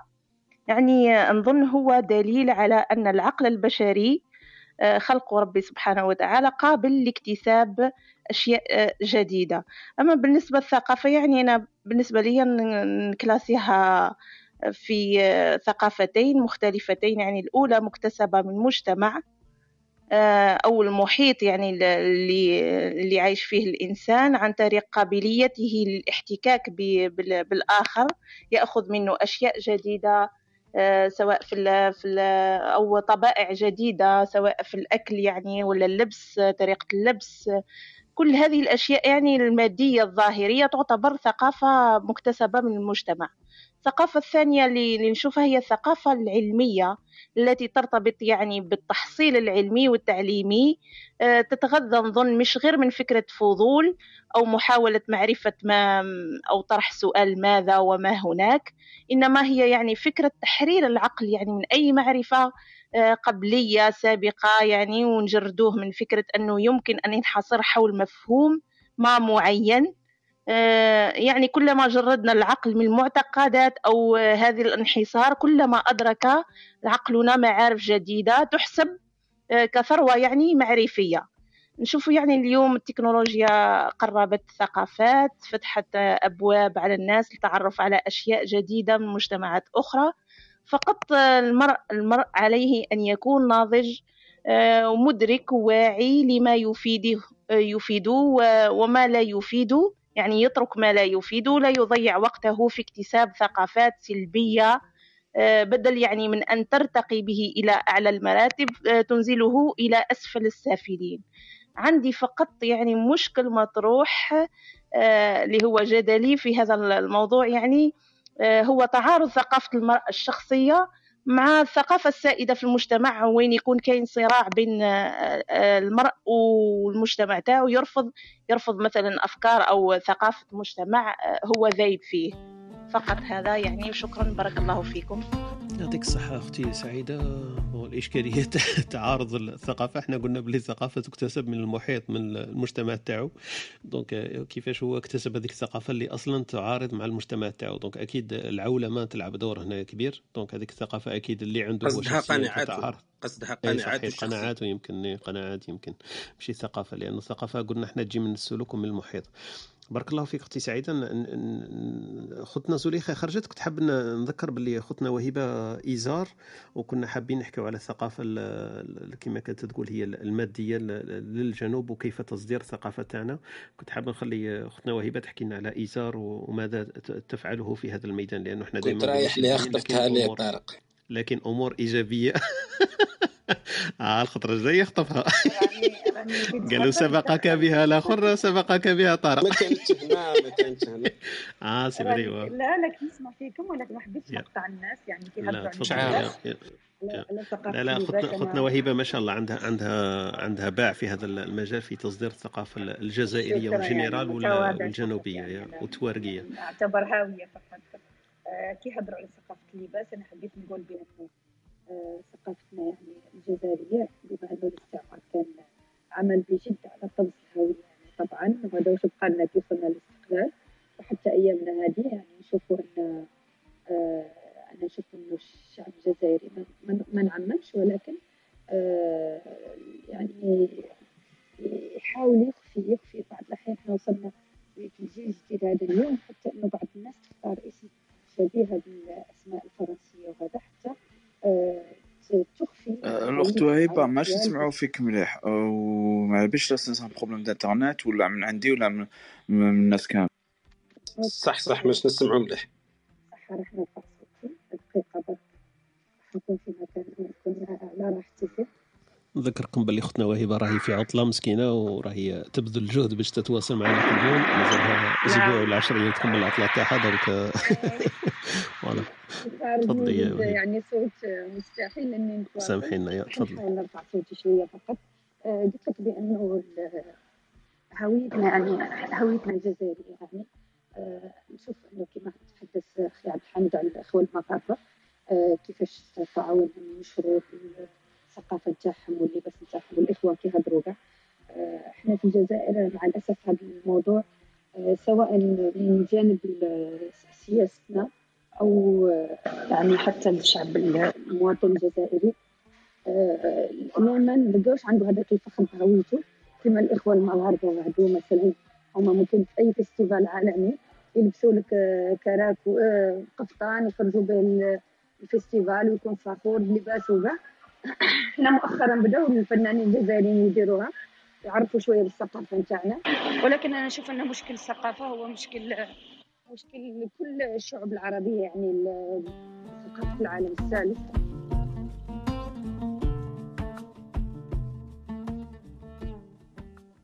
معليش نخلو يمكن أختنا وهبه لما يمكن لها التدخل. نفوتوا الأعمال لأنه الوقت يداهمنا. نفوتوا الأعمال ونعاودوا نرجعوا لأختنا وهبه لما يتسنى لها ذلك. تفضلي أختي امال صباح الخير جمعة مبارك عليكم إن شاء الله. أهلا وسهلا بك.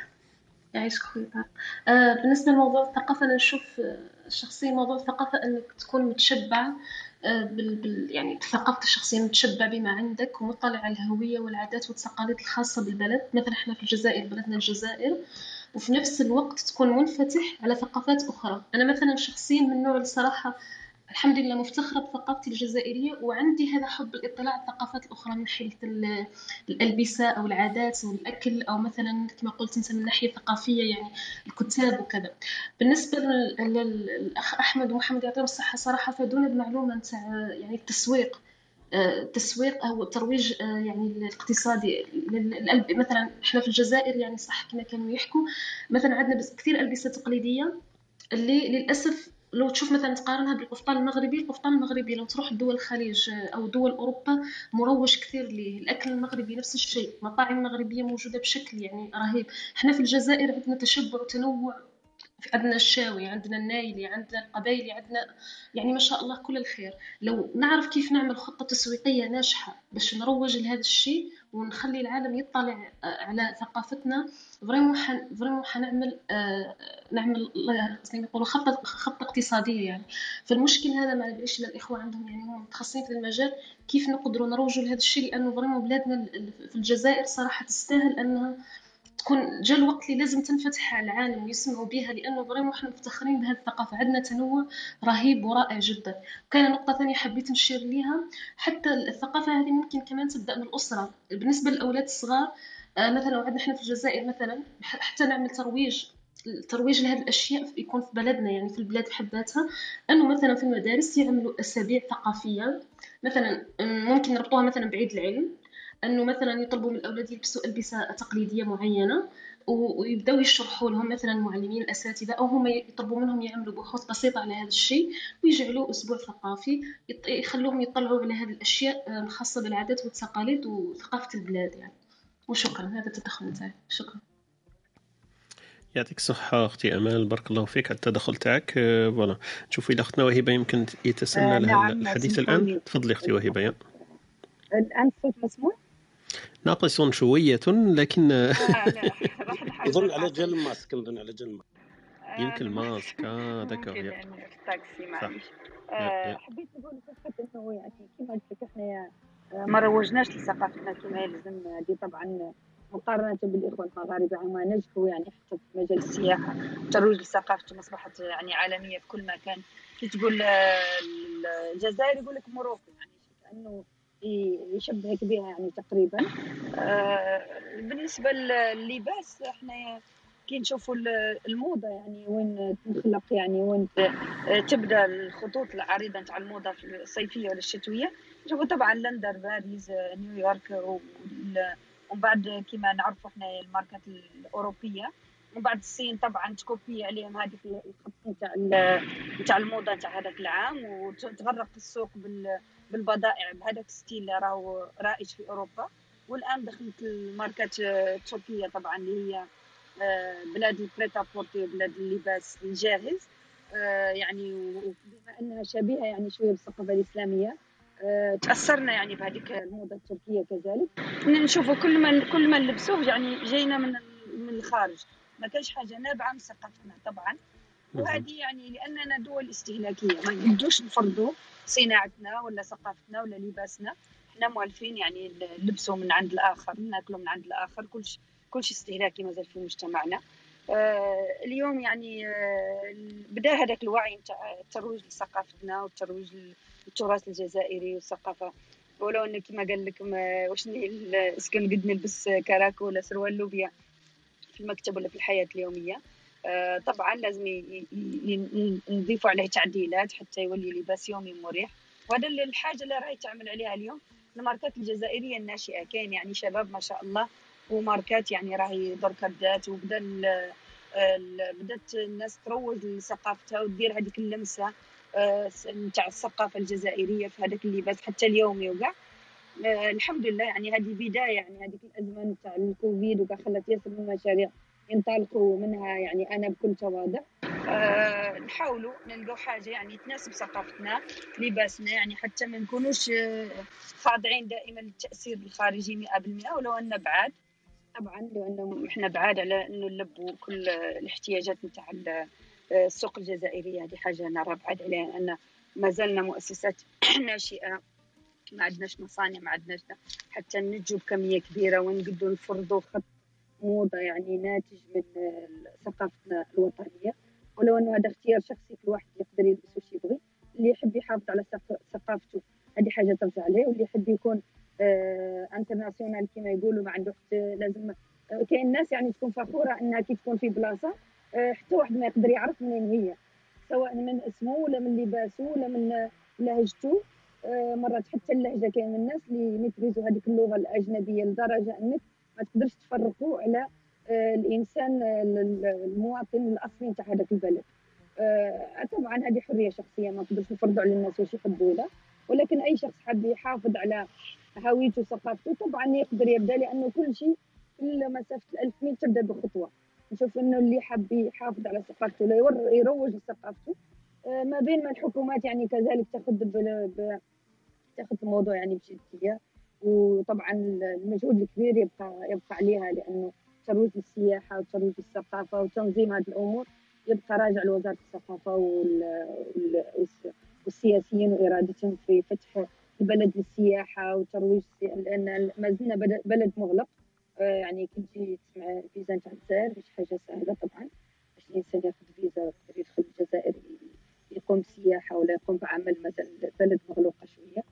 نتمنى فقط إنه آه، الإرادة اللي راهي موجودة اليوم إن شاء الله تلقى المرافقه اللازمة لها والمناسبه حتى نقدروا نوقفوا الثقافة نتاعنا ونروجوا لها كما يلزم وإن شاء الله تكون آه، علاش علاش لا مدخول كبير في الاقتصاد الوطني بإذن الله. شكرا. بارك الله فيك يعطيك الصحة أختي وهبة. هذه هي من مفاتيح كما نقولوا الثقافة ولا مفاتيح الافتخار به هي تبدأ عند الذات ولا وليس عند الغير. هذه واحدة donc ما نستناوش كما قلت أنت من تجي من الحكومات ولا من الأنظمة وما نستناوش باش تجي واحد من من دولة واحدة أخرى ولا من حضارة واحدة أخرى هي اللي تنمي لنا الثقافة تاعنا الشخصية. برك في في ال point هذاك اللي اللي أثاره خويا قبيل محمد ولا أحمد حكاية ال marketing ولا ال commercialisation تاع الثقافة تاعنا. أنا مثلا جات جات في بالي واحد الفكرة كما كانوا هما يحكيو. لو مثلا درك أنا نحب نفتح مطعم مثلا restaurant نجي نشوف درك زيوريخ ولا بيرن ولا نشوف حتى المدن هذه الكبرى ما فيهاش مطعم جزائري. هل يكفي هل يكفي أني أنا مثلا نروح نفتح وندير فيهم مثلا مطعم نقول له restaurant algérien ولا Algerian food؟ est-ce que يقدروا الناس يجوني؟ est-ce que برك ال initiative هذيك تاع الترويج للثقافة الجزائرية تكفي؟ باش أنا صح نكون يكون هذا البيزنس تاعي يكون viable لازم يكون يمشي. donc est-ce que يكفي برك ال initiative تاعنا إحنا الجزائريين ما كاش ناس اللي عندهم الفكرة هذه إنه يفتحوا مطاعم باش يروجوا للثقافة ثقافة الأكل الشعبي الجزائري حكاية كسكس ولا رفيس ولا مش عارف الأمور الحريرة والأمور هذه اللي ناكلوها في الجزائر. est-ce que يكفي برك ال initiative هذو تاع ال commercialisation ال marketing وإلا تشوفوا أنتم c'est un package c'est ان كيما نقولوا ان تو بها الثقافه تاع الدول هذيك تكون معروفة. فالنقطة اللي جاية إنه الناس يحبوا يتعرفوا على لار كولينار كما نقولوا ثقافة الغذاء تاع هذيك البلدان. أنا تبان لي نكون اليوم مثلا حاب نفتح مطعم أولى بي ان نحط مطعم مغربي وما نحطش مطعم جزائري. لأنه لو نحط على مطعم جزائري عندي 90% من لي شونس أني نفشل. ولو نحط مطعم مغربي عندي 90% انه ننجح في المشروع تاعي تاع المطعم والتعريف بالثقافة الغذائية الجزائرية. نفس الشيء بالنسبة للألبسة تبان نفس الحكاية. لو لو نحل ورشة تاع صناعة الألبسة عندي chance أنه لو ندير الجبة مثلا المغربية ولا الأمور هذه تتباع أكثر من تباع الكراكول الجزائري. donc أنا تبان لي حكاية التعريف بالثقافة. نعم. لكن ماهيش هي واحد هالنقطة الكافية ماهيش ال initiative برك اللي تنقص. تبان لي بلي كاين package كاين واحد ال marketing لازم يصرى قبل وواحد الثقافه تاع السياحة ثقافة الهوليوود ثقافة الكتابة الكتاب. الأمور هذه اللي الناس تقدر تتعرف على الثقافة هذيك أكبر من من أنها ترجع نبيع أنا مثلا نروح ندير ألبسة نبيعها كأنها ثقافة جزائرية ولا مطاعم نفتحها على أنها آه، أكلات جزائرية ما, ما تكفيش. أنا نحكي لكم واحد الحكاية عندها واحد شهرين ولا كنت في عطلة في, في ألمانيا. واحد دايرين واحد واحد السوق هكذا تقليدي يرجعوا للقرية هذيك في في حكاية لما كانوا يمكن 500 سنة للوراء لابسين لباس تقليدي وقاعدين في هذاك تدخل لازم تشوف كيفاه كانوا عايشين بكري. ودايرينو ال week-end برك كاين واحد ال stand دايرين واحد البلاصة هكذا يبيعوا فيها. تخيلوا أنتم يبيعوا فيها سفنج. حنا نسموها سفنج في المنطقة تاعي مش عارفين أنتم تسموها سفنج عندكم. هذاك شغل des galettes هكذا اللي ياكلهم صباح يقلوهم وياكلهم صباح يسموها سفنج عندنا حنايا. يطيب فيه كلي صح عندنا حنايا. كلي رانا قاعدين في البلاد ناكلوا فيه هما توانسة ثاني وقيل عندهم. دونك يطيبوا فيه. حرت أنا قلت لي كيف هذا يطيب في السفنج منه صح ولا المرأة والولاد؟ قلت لهم هذا السفنج هذا. قالوا لي صح سفنج. كي قربنا ليه قلت له ويديروا فيه يديروا فيه خضرة يديروا فيه مايونيز يديروا هكذا ويعطي لك سفنج هكذا تاكلها بالشلاطة نورمال فهذوك اللي كانت مسامين قساوه قالوا له أنت من هنغاريا. تخيلوا باللي الهنغاريين لا هنغاري عندهم هذا السفنج يطيبوه تاع الصح ومعروف عند الألمان بأنه أكلة هنغارية ماشي قاعدين لا شمال إفريقية لا جزائرية لا والو. donc أنا فما عرفت باللي الهنغاريين عندهم. donc est-ce que هذا السفنج إحنا déjà أصلا في بلداننا؟ ما نعرفوش. لو أنا نقترح مثلا فكرة نقول واحد جزائري أروح دير stand هنا ونعودوا نبيعوا السفنج في la gare ولا نبيعوا فيه بلاصة هكذا تاع touristique. إيه، أكيد يقول لي هو وما يعرفولوش وما ياكلوش أكيد. سما هذه تبدأ الحكاية التعرف بالثقافات تأتي كما نقولوا جملة. ما تجيش هكذا برك بديزي انيسياتيف بيرسونيل والماركتينغ يلعب دور كبير أكيد فيها. دونك هذه حبيت نشارككم برك نشاطركم الفكرة هذه اللي كانت في راسي حكاية الريستوراسيون اسكو يكفي باش نفتح ريستوراسيون جزائري باش يولي معروف باش الناس تولي تعرف الأكلات الجزائرية؟ أنا في بالي ما تكفيش. إلا إذا كان عندي دراهم بزاف ونفتح بالخسارة يمكن هذيك هي. وش بونس أنا اللي يدير بيزنس ما يديروش باش يخسر ولا يديروا برك نايس تو هاف ولا فور فان يديروا باش يربح باش يبيع باش يكون عنده des clients الجزائري مطعم جزائري أنا مازال ما شفتهاش في العواصم ولا في الدول منا ومنا ولسبب كما يقول خويا حميد دائما كاين سبب إنه ما كانش restaurant algérien ماشي برك لأنه الجزائري ما يحبوش يفتحوا المطاعم كاين واحد القصة سمعتها ثاني هذه نختم بها. واحد القصة تاع واحد جزائري ناجح كثير في لندن عنده واحد واحد الشبكة تاع المطاعم.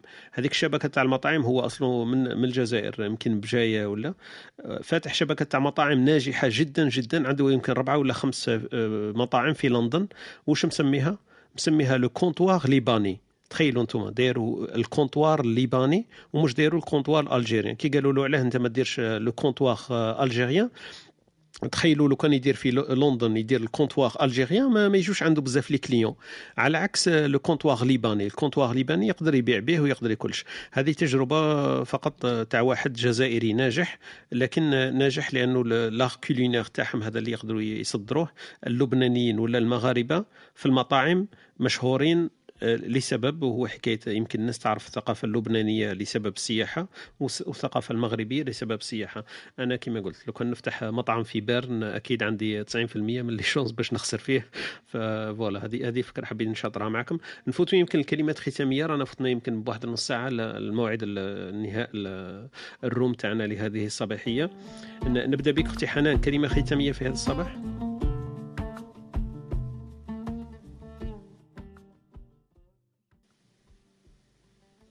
تفضلي حنان. على هذا الموضوع. أول شفت باللي تم شغل منعرج جميع في هذه الحصة رحنا للثقافة الجزائرية والثقافة العربية والإسلامية وثقافة الأكل. المهم سأتحدث عن الثقافة بصفة عامة. آه، للاستمتاع بالحس الثقافي. يجب أن يكون لدينا دائما ذلك الحب والتعطش المعرفي. دائما يجب أن نسأل. لماذا؟ دائما يكون عندنا هذاك السؤال تاع لماذا؟ باش نزيدو نتعلمو باش يكون عندنا رصيد معرفي اللي ممكن نسموه رصيد ثقافي فيما بعد. دائما نكونوا علاه علاه كي نشعل الضوء مثلا هذوك الفوتونات يتوزعوا كاع في الغرفة وما يروحوش في اتجاه معين كيما الضوء تاع الليزر مثلا.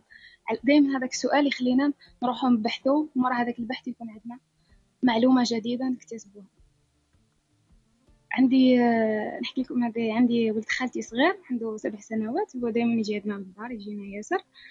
عنده واحد نحسه ماشي كيما الأطفال عنده واحد الحس يعني تاع سؤال آه، وأسئلة تاعو تجي دائما شغل يعجزني دائما نحس روحي في ديك الحيرة المعري المعرفية هذيك.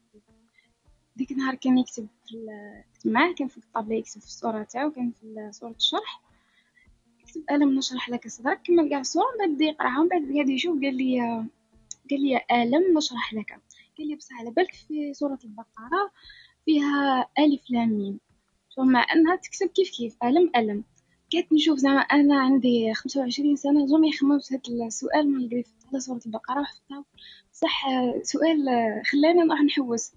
مع أنه هو قرأ سورة البقرة خطرة مش عارف يقرأ هذيك بداية السورة خطرة انتبه. لازم يكون عندنا هذاك الحس تاع الانتباه شغل لازم دائما نشوفوا حس تاع السؤال. كي حوست أنا جات الفرصة حوست على هادو ألم وألف لام ميم لقيت باللي قال لك هذا من الإعجاز العلمي أن القرآن الكريم نزل بالوحي يعني نزل سماعيا أول مرة ومن بعد كتب خاطر كان ينزل كتابة في زوج نقراهم ألم ألم. هذه فقط نصيحة أنه لازم يكون عندنا هذاك الحس تاع السؤال. وشكرا جزيلا. بارك الله فيك يعطيك الصحة أختي حنان. إن شاء الله يكون له باع كبير هذا بن خالتك ولا بن خالك اللي قلتي لنا عليه. وكاين هذاك الكتاب كنت سمعت عليه أنه يسموه start everything with why. donc سؤال طرح السؤال هذاك دائما أكيد يفتح لنا أفق واحدة أخرين نتعرفوا على مجالات واحدة أخرى والحس المعرفي هذا أكيد عنده أهمية كبيرة. بارك الله فيك أختي حنان. نفوتوا لخوتنا أسماء كلمة ختامية. أختي أسماء. آه، يعطيكم الصحة. ال sujet عجبني tellement ما لم أغادر الغرفة اليوم. juste حاجة واحدة حنا لم يتم تسليط الضوء على الشعب الجزائري. si أنت ما تقدرش تفتح restaurant جزائري ما راح تخسر. هذه نقولها شفتي لك. كيفاش؟ voilà. انت ثاني تنصحيني ما نفتحش مطعم جزائري لا أنصحك لأنه كاين دعم ثقافي لازم يكون تحت تسويق ثقافي.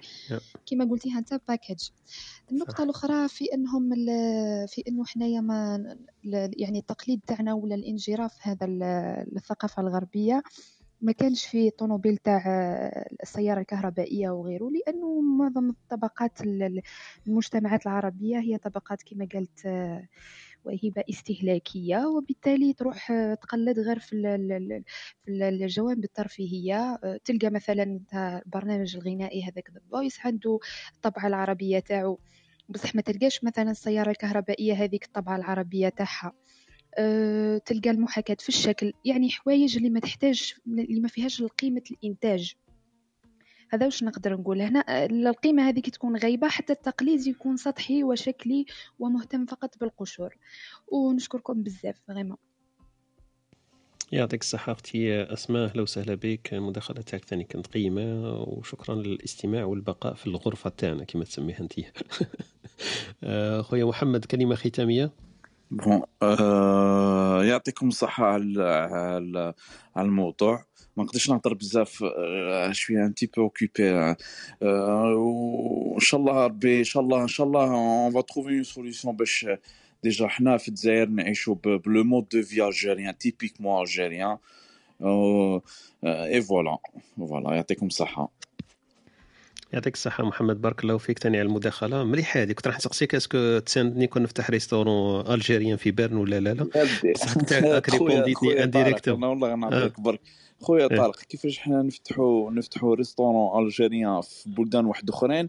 ألوغ كي نروحوا حنا في العواصم تاعنا حنا برك في الجي برك تسيب لو تاكوس لو بيتزا اكزاكتومون تسيب لو تروك صحيت قلتها وحدك ديجا اكزاكتومون لا لا قلتها لي قلت لي لازم حنا حنا لازم نبداو حنا نبداو نعيشوا تيبيكمون الجيريان اون في نوتر. الجيريانيتي هاكا اون سيبانوي دودون ابخي بعد كلش هذاك لو غاست يل فيان اكزاكتومون تاع الصح ديجا كيما قلتها لي انت راك جاوبت ديجا قبل ما نبوزي لا كيسيون قلت لي il faut que nous les Algériens on arrive à vivre comme des Algériens ou faire de l'être. دونك ديجا الا الا ديجا اكتسبنا هذيك نقدروا بعد نكسبورتيوها طول طار بعد يجونا الناس يشوفونا دي زالجيريان يتاثروا بنا ولا إحنا أصلا نكونوا كيما يقولوا مشعين كيما قلت انت قبل نكونوا في العالم عندنا شوية la vision هذيك يشوفوك يقول لك انت جزائري ونعرف الشخشوخه ولا التاي ولا اللبسة ولا القعدة ولا أي حاجة جزائرية. بارك الله فيك محمد c'était intéressant l'intervention تاعك. وأهلا وسهلا بك في الإسبريسو الصباح كل يوم إن شاء الله من 9 حتى ل 11 في مواضيع ندردشوا حولها. إن شاء الله تكون الاستفادة وأتحفتنا بالمداخلات تاعك. نفوتوا لخوتنا زليخه أهلا وسهلا. آه، كلمة ختامية أختي زليخه نختموا اللقاء تاعنا تاع اليوم. تفضلي. داكوغ اولا ديزولي خاطر جاي ان بروبليم دو دو كونيكسيون دونك جو مسوي بروبليم تي عطيتي الباساج هذاك اللي درنا فيه احنا لختنا وهبه باسكو elle a une une entreprise qui s'appelle Isar où elle fait exactement ce que tu as قبيل mentionné l'exportation de de de la culture algérienne vers l'étranger à travers les habits où elle fait que ça Eh ben, très bien, je suis ravie euh, de savoir que Kane déjà un entrepreneur qui fait ça. Et donc, euh, bonne continuation, euh, bon courage euh, et Inch'Allah beaucoup de succès.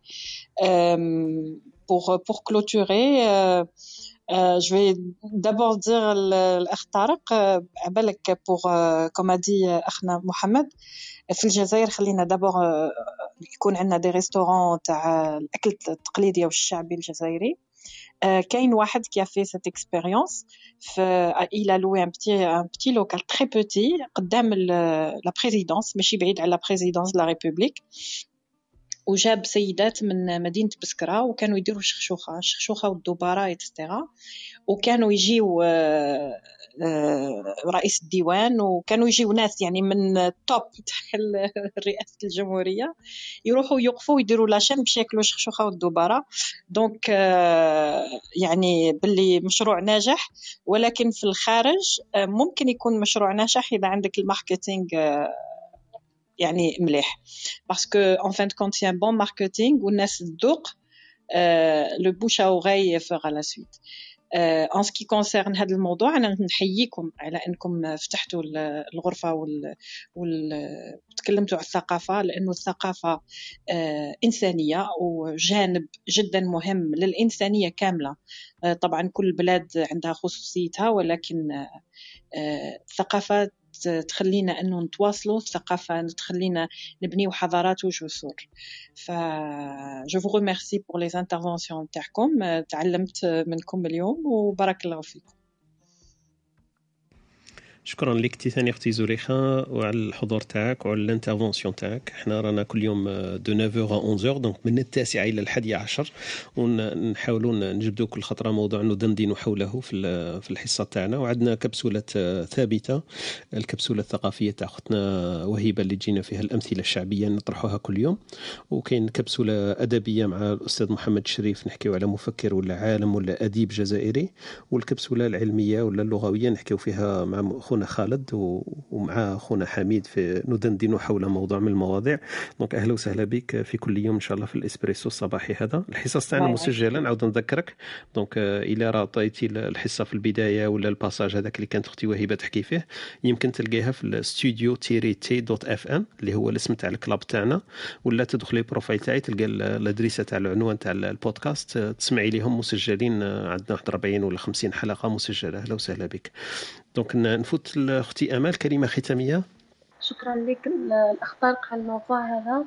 آه، نتمنى لأختي وهبه كل التوفيق. آه، لأنه هكا لو يكون كل واحد يبدا يبدأ بالعقل بالعقل مجموعة مجموعة أكيد راح نوصلوا الثقافة الجزائريه إن شاء الله للانفتاح. وشكرا لكم. بارك الله فيك. بارك الله فيك. يعطيك الصحة أختي أمال. ثانيك على الحضور والمداخله تاعك بقى لنا وهبه وخالد وحميد نكملوا إن شاء الله الحلقة تاعنا. donc آه، باش نبداو نبداو بوهيبة ولا بخالد ولا بأحمد؟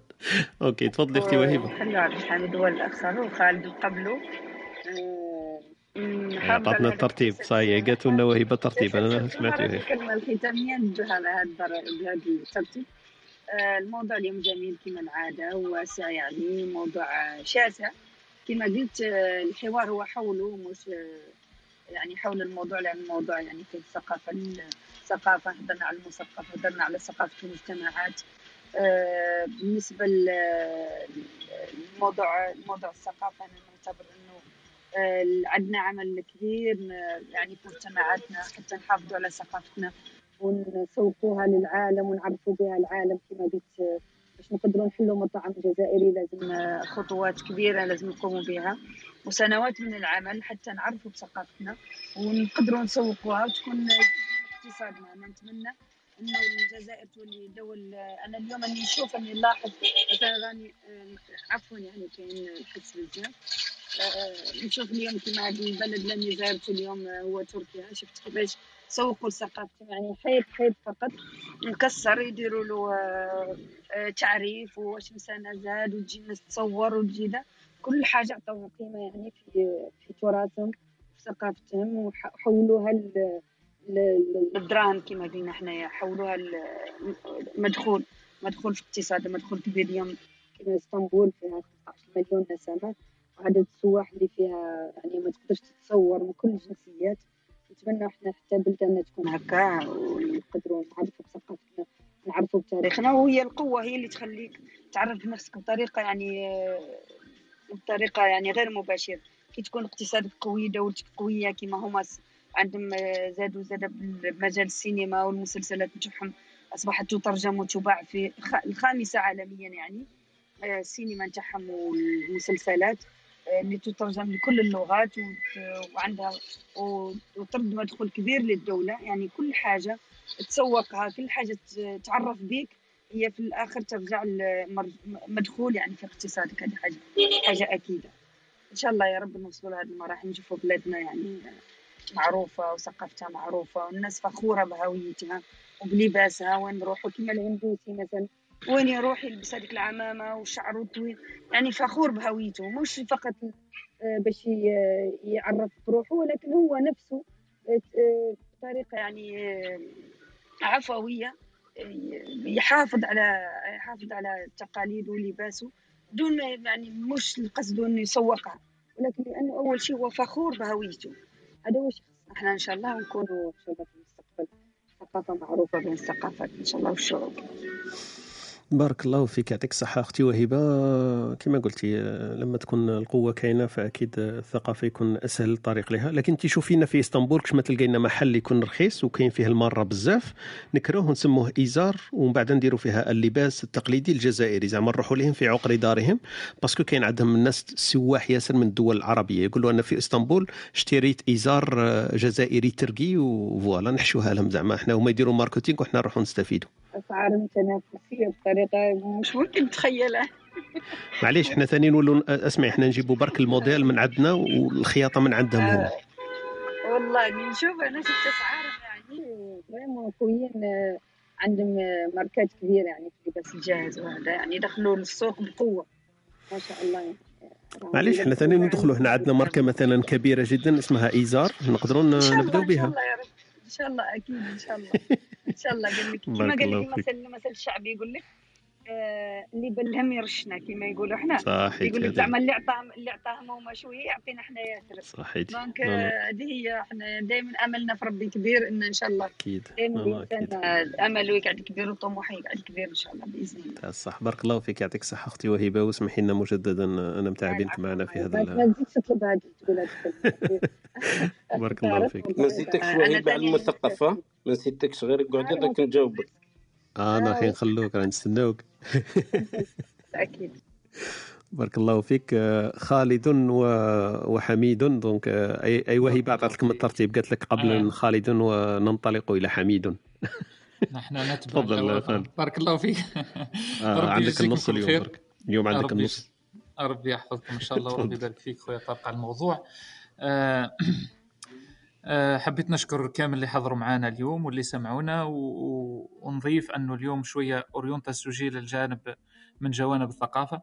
آه لأنه الثقافة هذا موضوع شامل. آه وأنا ديما نحب نركز ما نحبش نركز على المعنى اللحظي ونحب نركز على المعنى الدائم آه للثقافة أو نحب نركز شوية على الجانب تاعو والمفهوم تاعو العميق المفهوم تاعو الفلسفي وش هي المتغيرات تاع الثقافة. ركزنا شوي على الهوية الجزائرية وكيفية تسويقها للخارج. أما حبيت نركز أكثر على بنائها بنائها الثقافي في كل ذات قبل تسويقها. أهدرنا على جانب الثقافة وبعدها الحضاري. عجبتني أنه كل واحد عنده نظرة ومفهوم للحضارة. كل إنسان حسب تخصصه وكل إنسان حسب مفهومه. حبيت نقول أنه الإنسان يجب أن يكون له مخرج من هذه الثقافة. وهذا الأساس والمبدأ الفلسفي للثقافة أنه الإنسان هذا يولي عنده سلوك. هذا السلوك هذا لازم يكون مفيد وإلا ما يسميش أصلا تنمية ولا آه، حتى آه، نماء في المجال الثقافي. لأنه الإنسان إذا كان عنده مقدار ذاتي من المعلومة والتسويق تاعه كان سيء فهنا يكون يخل بتلك الثقافة مش قاعد يعزز فيها ولا ينمي فيها. الحاجة الثانية اللي نقولها أنه كان مجموعة من العناصر لازم تجتمع في الإنسان حتى يكون مثقف لازم يكون عنده جمال وذوق لازم يكون عنده منطق علمي آه، في ثقافي لازم يكون عنده آه، انفتاح فكري وفي النهاية لازم يكون عنده آه، خلق اللي هو لازم يتبنى هذه الأمور كامل باش يكون عنده سلوك مفيد في المجتمع. للأمانة العلمية فقط تسمحوا لي كان طولت عليكم جمع شق هي شقق ما هي شقق لأنه شقق مع جمع شقة. هي شقق وشق هذه جاية من جانب ما هي جاية من معنى آخر. هو تقصد بها أخويا طارق شق معناها جانب من شيء. شق الجامع نتاعها هي شقق والخطأ أنه نقولوا شقق للأمانة العلمية بارك الادبي بارك الله فيك لا بارك الله فيك. شقق شقق شو المجموع تاع واش؟ تاع شقة مثلا. l'appartement هكا. appartement voilà. آه. وشقق جت من شق. آه فاوش حبيت نقول آه ربي قدرنا وإن شاء الله ربي يوفقكم جميعا. وأنا ديما نشبه الإنسان الحقيقي المثقف ويسمى المثقفين الحقيقيين بالتربه الخصبة هذيك حتى ولو جار عليها جار وتحرقت تلك التربه بمجرد أنه ينزل الغيث تعاود تنبت وربي يجعلكم إن شاء الله تربه خصبة آه تنبت بها الثقافة الجزائرية في في سائر العالم. وبارك الله فيكم. يعطيك الصحة بارك الله فيك. هذا دور كبير. كما نقولوا ألقيت به علينا لكن لا. إن شاء الله نكون أهلا لجزء منه أكيد حاجة كبيرة. لكن بارك الله فيك. قبل ما نفوت الكلمة الختامية تاع أخونا عبد الحميد في هذه الصباحية نشكر خاوة اللي كانوا معنا منذ الصباح وبقاو معنا ولا استمعوا إلى شق من الحديث تاعنا اللي حول الثقافة اليوم. خوتنا فضيلة أخونا كريم خوتنا لطيفة حنان خالد نريمان كلثوم شيماء مريم خديجة كلهم أهلا وسهلا بهم. خوتنا سعيدة أمينة عقبة وأمل ومحمد اللي كانوا معنا. خونا أحمد خوتنا أسماء كاين عديد من الأسماء اللي يمكن لا يحضرونني الآن. donc شكرا لهم كل بالاسم تاعو. نفوتوا الكلمة الختامية تاع خونا عبد الحميد في في هذا المحور تاع اليوم تاع يوم الثقافة ليوم الجمعة.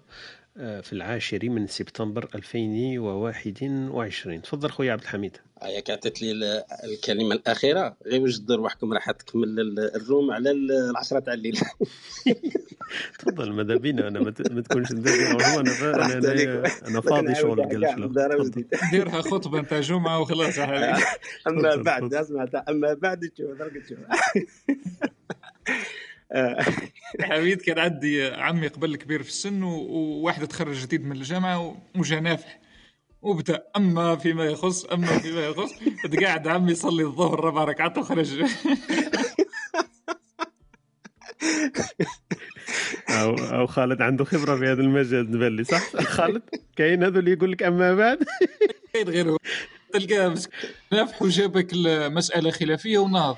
أما إيه. هذا يقول أما هذا يقول ومن بعد قال أما يستنوه هنا يكمل يقول لهم أما بعد. تفضل حميد بارك الله فيك. صحيت خالد.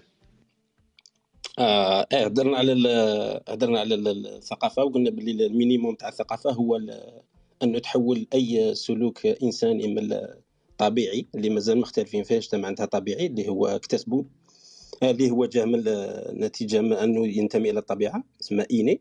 ولا راح يكتسبوا معناتها لازم يفوت على ليدوكاسيون تاعو على على التربية تاعو باش يقدر يتحول إلى سلوك ولا تصرف آه، هكا شغل حضاري ولا ثقافي. باش يولي باش تولي هذا هو الدور ال minimum تاع الثقافة. من بعد كاين ناس يقول لك باللي الثقافة هي كي تنسى كل حاجة الحاجة التالية اللي ما تقدرش تنساها التالية كاع هي هذيك الثقافة. أنا هذه ما تنفعنيش بزاف.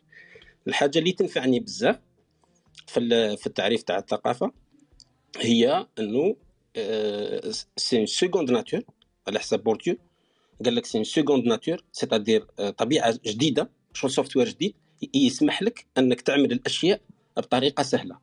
فأي حاجة إذا تخيل تولي لك ثقافة خلاص. زعما كيما قلت أنت طارق خويا قلت آه ثقافة إنه نجوا للعمل آه ولا نحترموا المواعيد. كي تولي ثقافة تولي من بعد شغل طبيعة ثانية من بعد تولي إجراءات موراها directes. اللي ما يجيش اللي ما يجيش ولا اللي اللي, يجي retard واش يصرى هكذا شغل هذا هو الدور تاع الثقافة اللي نحبه أنا en tout cas يخدم فيا أنا. فاي ثقافة تخليني تخلي la deuxième ولا la deuxième nature تاعي تخليني نكتسب مهارات جديدة ولا ولا ولا حاجة تخليني n'intégrer ولا نندمج في هذاك المجتمع بطريقة سهلة وتكون positive أنا بالنسبة لي الأولوية ليها. لاخاطرش علاش؟ هي راح تنقص عليا بزاف مش راح نجاهد دماغي بزاف باش نقدر ندير هذاك التصرف اللي كان يجيني صعيب. فبالتالي إذا كانت عندي ثقافه خلاص بالخف من هذا إلى رحنا من هذه شن شن نشوفوا نشوفوا انه المثقف على حساب واحد الفيلسوف قال لك كاين زوج منهم. كاين واحد مثقف كلاسيكي اللي هو هكا يقدر يحكي لك على الأشياء و... و... ويقرأ ويدرس وكل شيء. وهذا قادر يتأثر تخيل أنت بالثقافة تاعو c'est dommage. وكاين المثقف العضوي. أنا يا نحب بزاف المثقف العضوي اللي هو يكون مومبر فعال في ال... في ال... في ال... في, ال... في المجتمع اللي يكون فيه.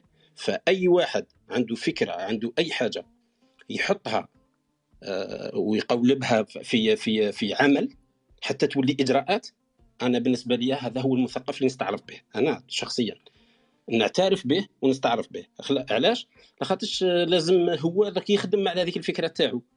جابت نتائج ما جابتش c'est pas grave. بالنسبة لي مثقف engagé هو اللي عندي الصح. كل ما يت engagea كل ما يثبت الأثر تاعو هذيك المثقفية تاعو في وسط المجتمع تاعو ولا في مجتمعات أخرى. يبقى هنا المشكلة كاين كاين كاين هذه ونكمل بها إن شاء الله مش راح نطول بزاف.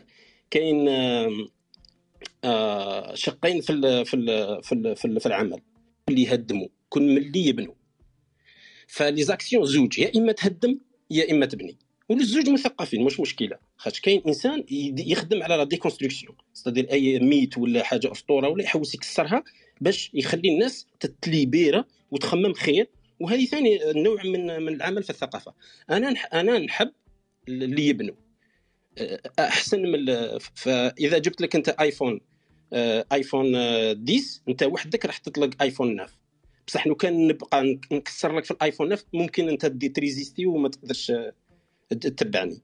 فأنا من هذا ال type تاع نجيب لك البديل وخير خير من اللي نبقى نكسر لك في ذيك الحاجة. فأي ثقافة جاية اللي تبني أنا نحبها ونكون معها ونت engage معها. أي ثقافة جاية تهدم في الوقت الحالي اللي رانا فيه في المجتمع وفي الوقت اللي رانا ملغم تاع صح قادر وحدك هكا تهدر في جهة تطرطق عليك. رانا في مجتمعات ملغمة. فالإنسان يحاذر. كل حاجة تبني فيها راك للفوق طلعك للفوق. لخاطر أنت كي تبني طبيعة الأمور راك تطلع للفوق. دير لي شافوتاج وتطلع للفوق. أي حاجة تهدم تخليك للتحت وممكن البنيان يطيح لك على راسك. فاحنا ماناش محتاجين ثقافة الهدم. محتاجين ثقافة البناء.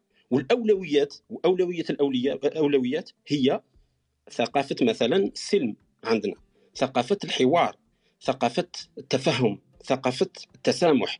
كاع هذو أي واحد يت engage فيهم مليح عليه. أما العكس ممكن تصير له هو déjà مشكلة ويسبب نتائج اللي هو ماهوش عارف راه داخل في un champ miné c'est-à-dire راه داخل في حقل ملغم وقادر تطرطق عليه في أي خطوة هو ما يعرفش برك.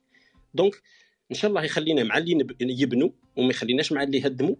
وإن شاء الله يخلينا engagés باش نكونوا صح مثقفين. مش هضرة برك. وهذه هي وإن شاء الله نكونوا هدرنا assez على هذا ال sujet. بارك الله فيك يعطيك الصحة خويا حميد يعطيكم الصحة كامل. نذكر اللي كانوا معنا التحقوا بنا وإن شاء الله هي كما نقولوا يشرفونا بالحضور تاعهم في, في الأيام القادمة إن شاء الله اللي يكون فيها حوار على مواضيع واحدة أخرى. نذكركم باللي كاين اللقاء تاع يوم الغد الساعة الثامنة بتوقيت تاع بيرن والسابعة بتوقيت الجزائر. نحكي إن شاء الله مع ال interview خاص مع الدكتور عبد القادر بالقاسم الدكتور بالقاسم. ونحكي إن شاء الله في في أمور تفيدنا. يساعدونا ويكون فيها يمكن دردشه في الأخير لطرح الأسئلة. آه، الساعة الثامنة بتوقيت أوروبا إن شاء الله غدوة يوم السبت. آه، في حصة خاصة وأول interview راح نجروه معاه إن شاء الله. فبارك الله فيكم مجددا. آه، إن شاء الله تكون الاستفادة عامة. أترككم في رعاية الله وحفظه وإلى الملتقى إن شاء الله في مواضيع أخرى إن شاء الله. السلام عليكم.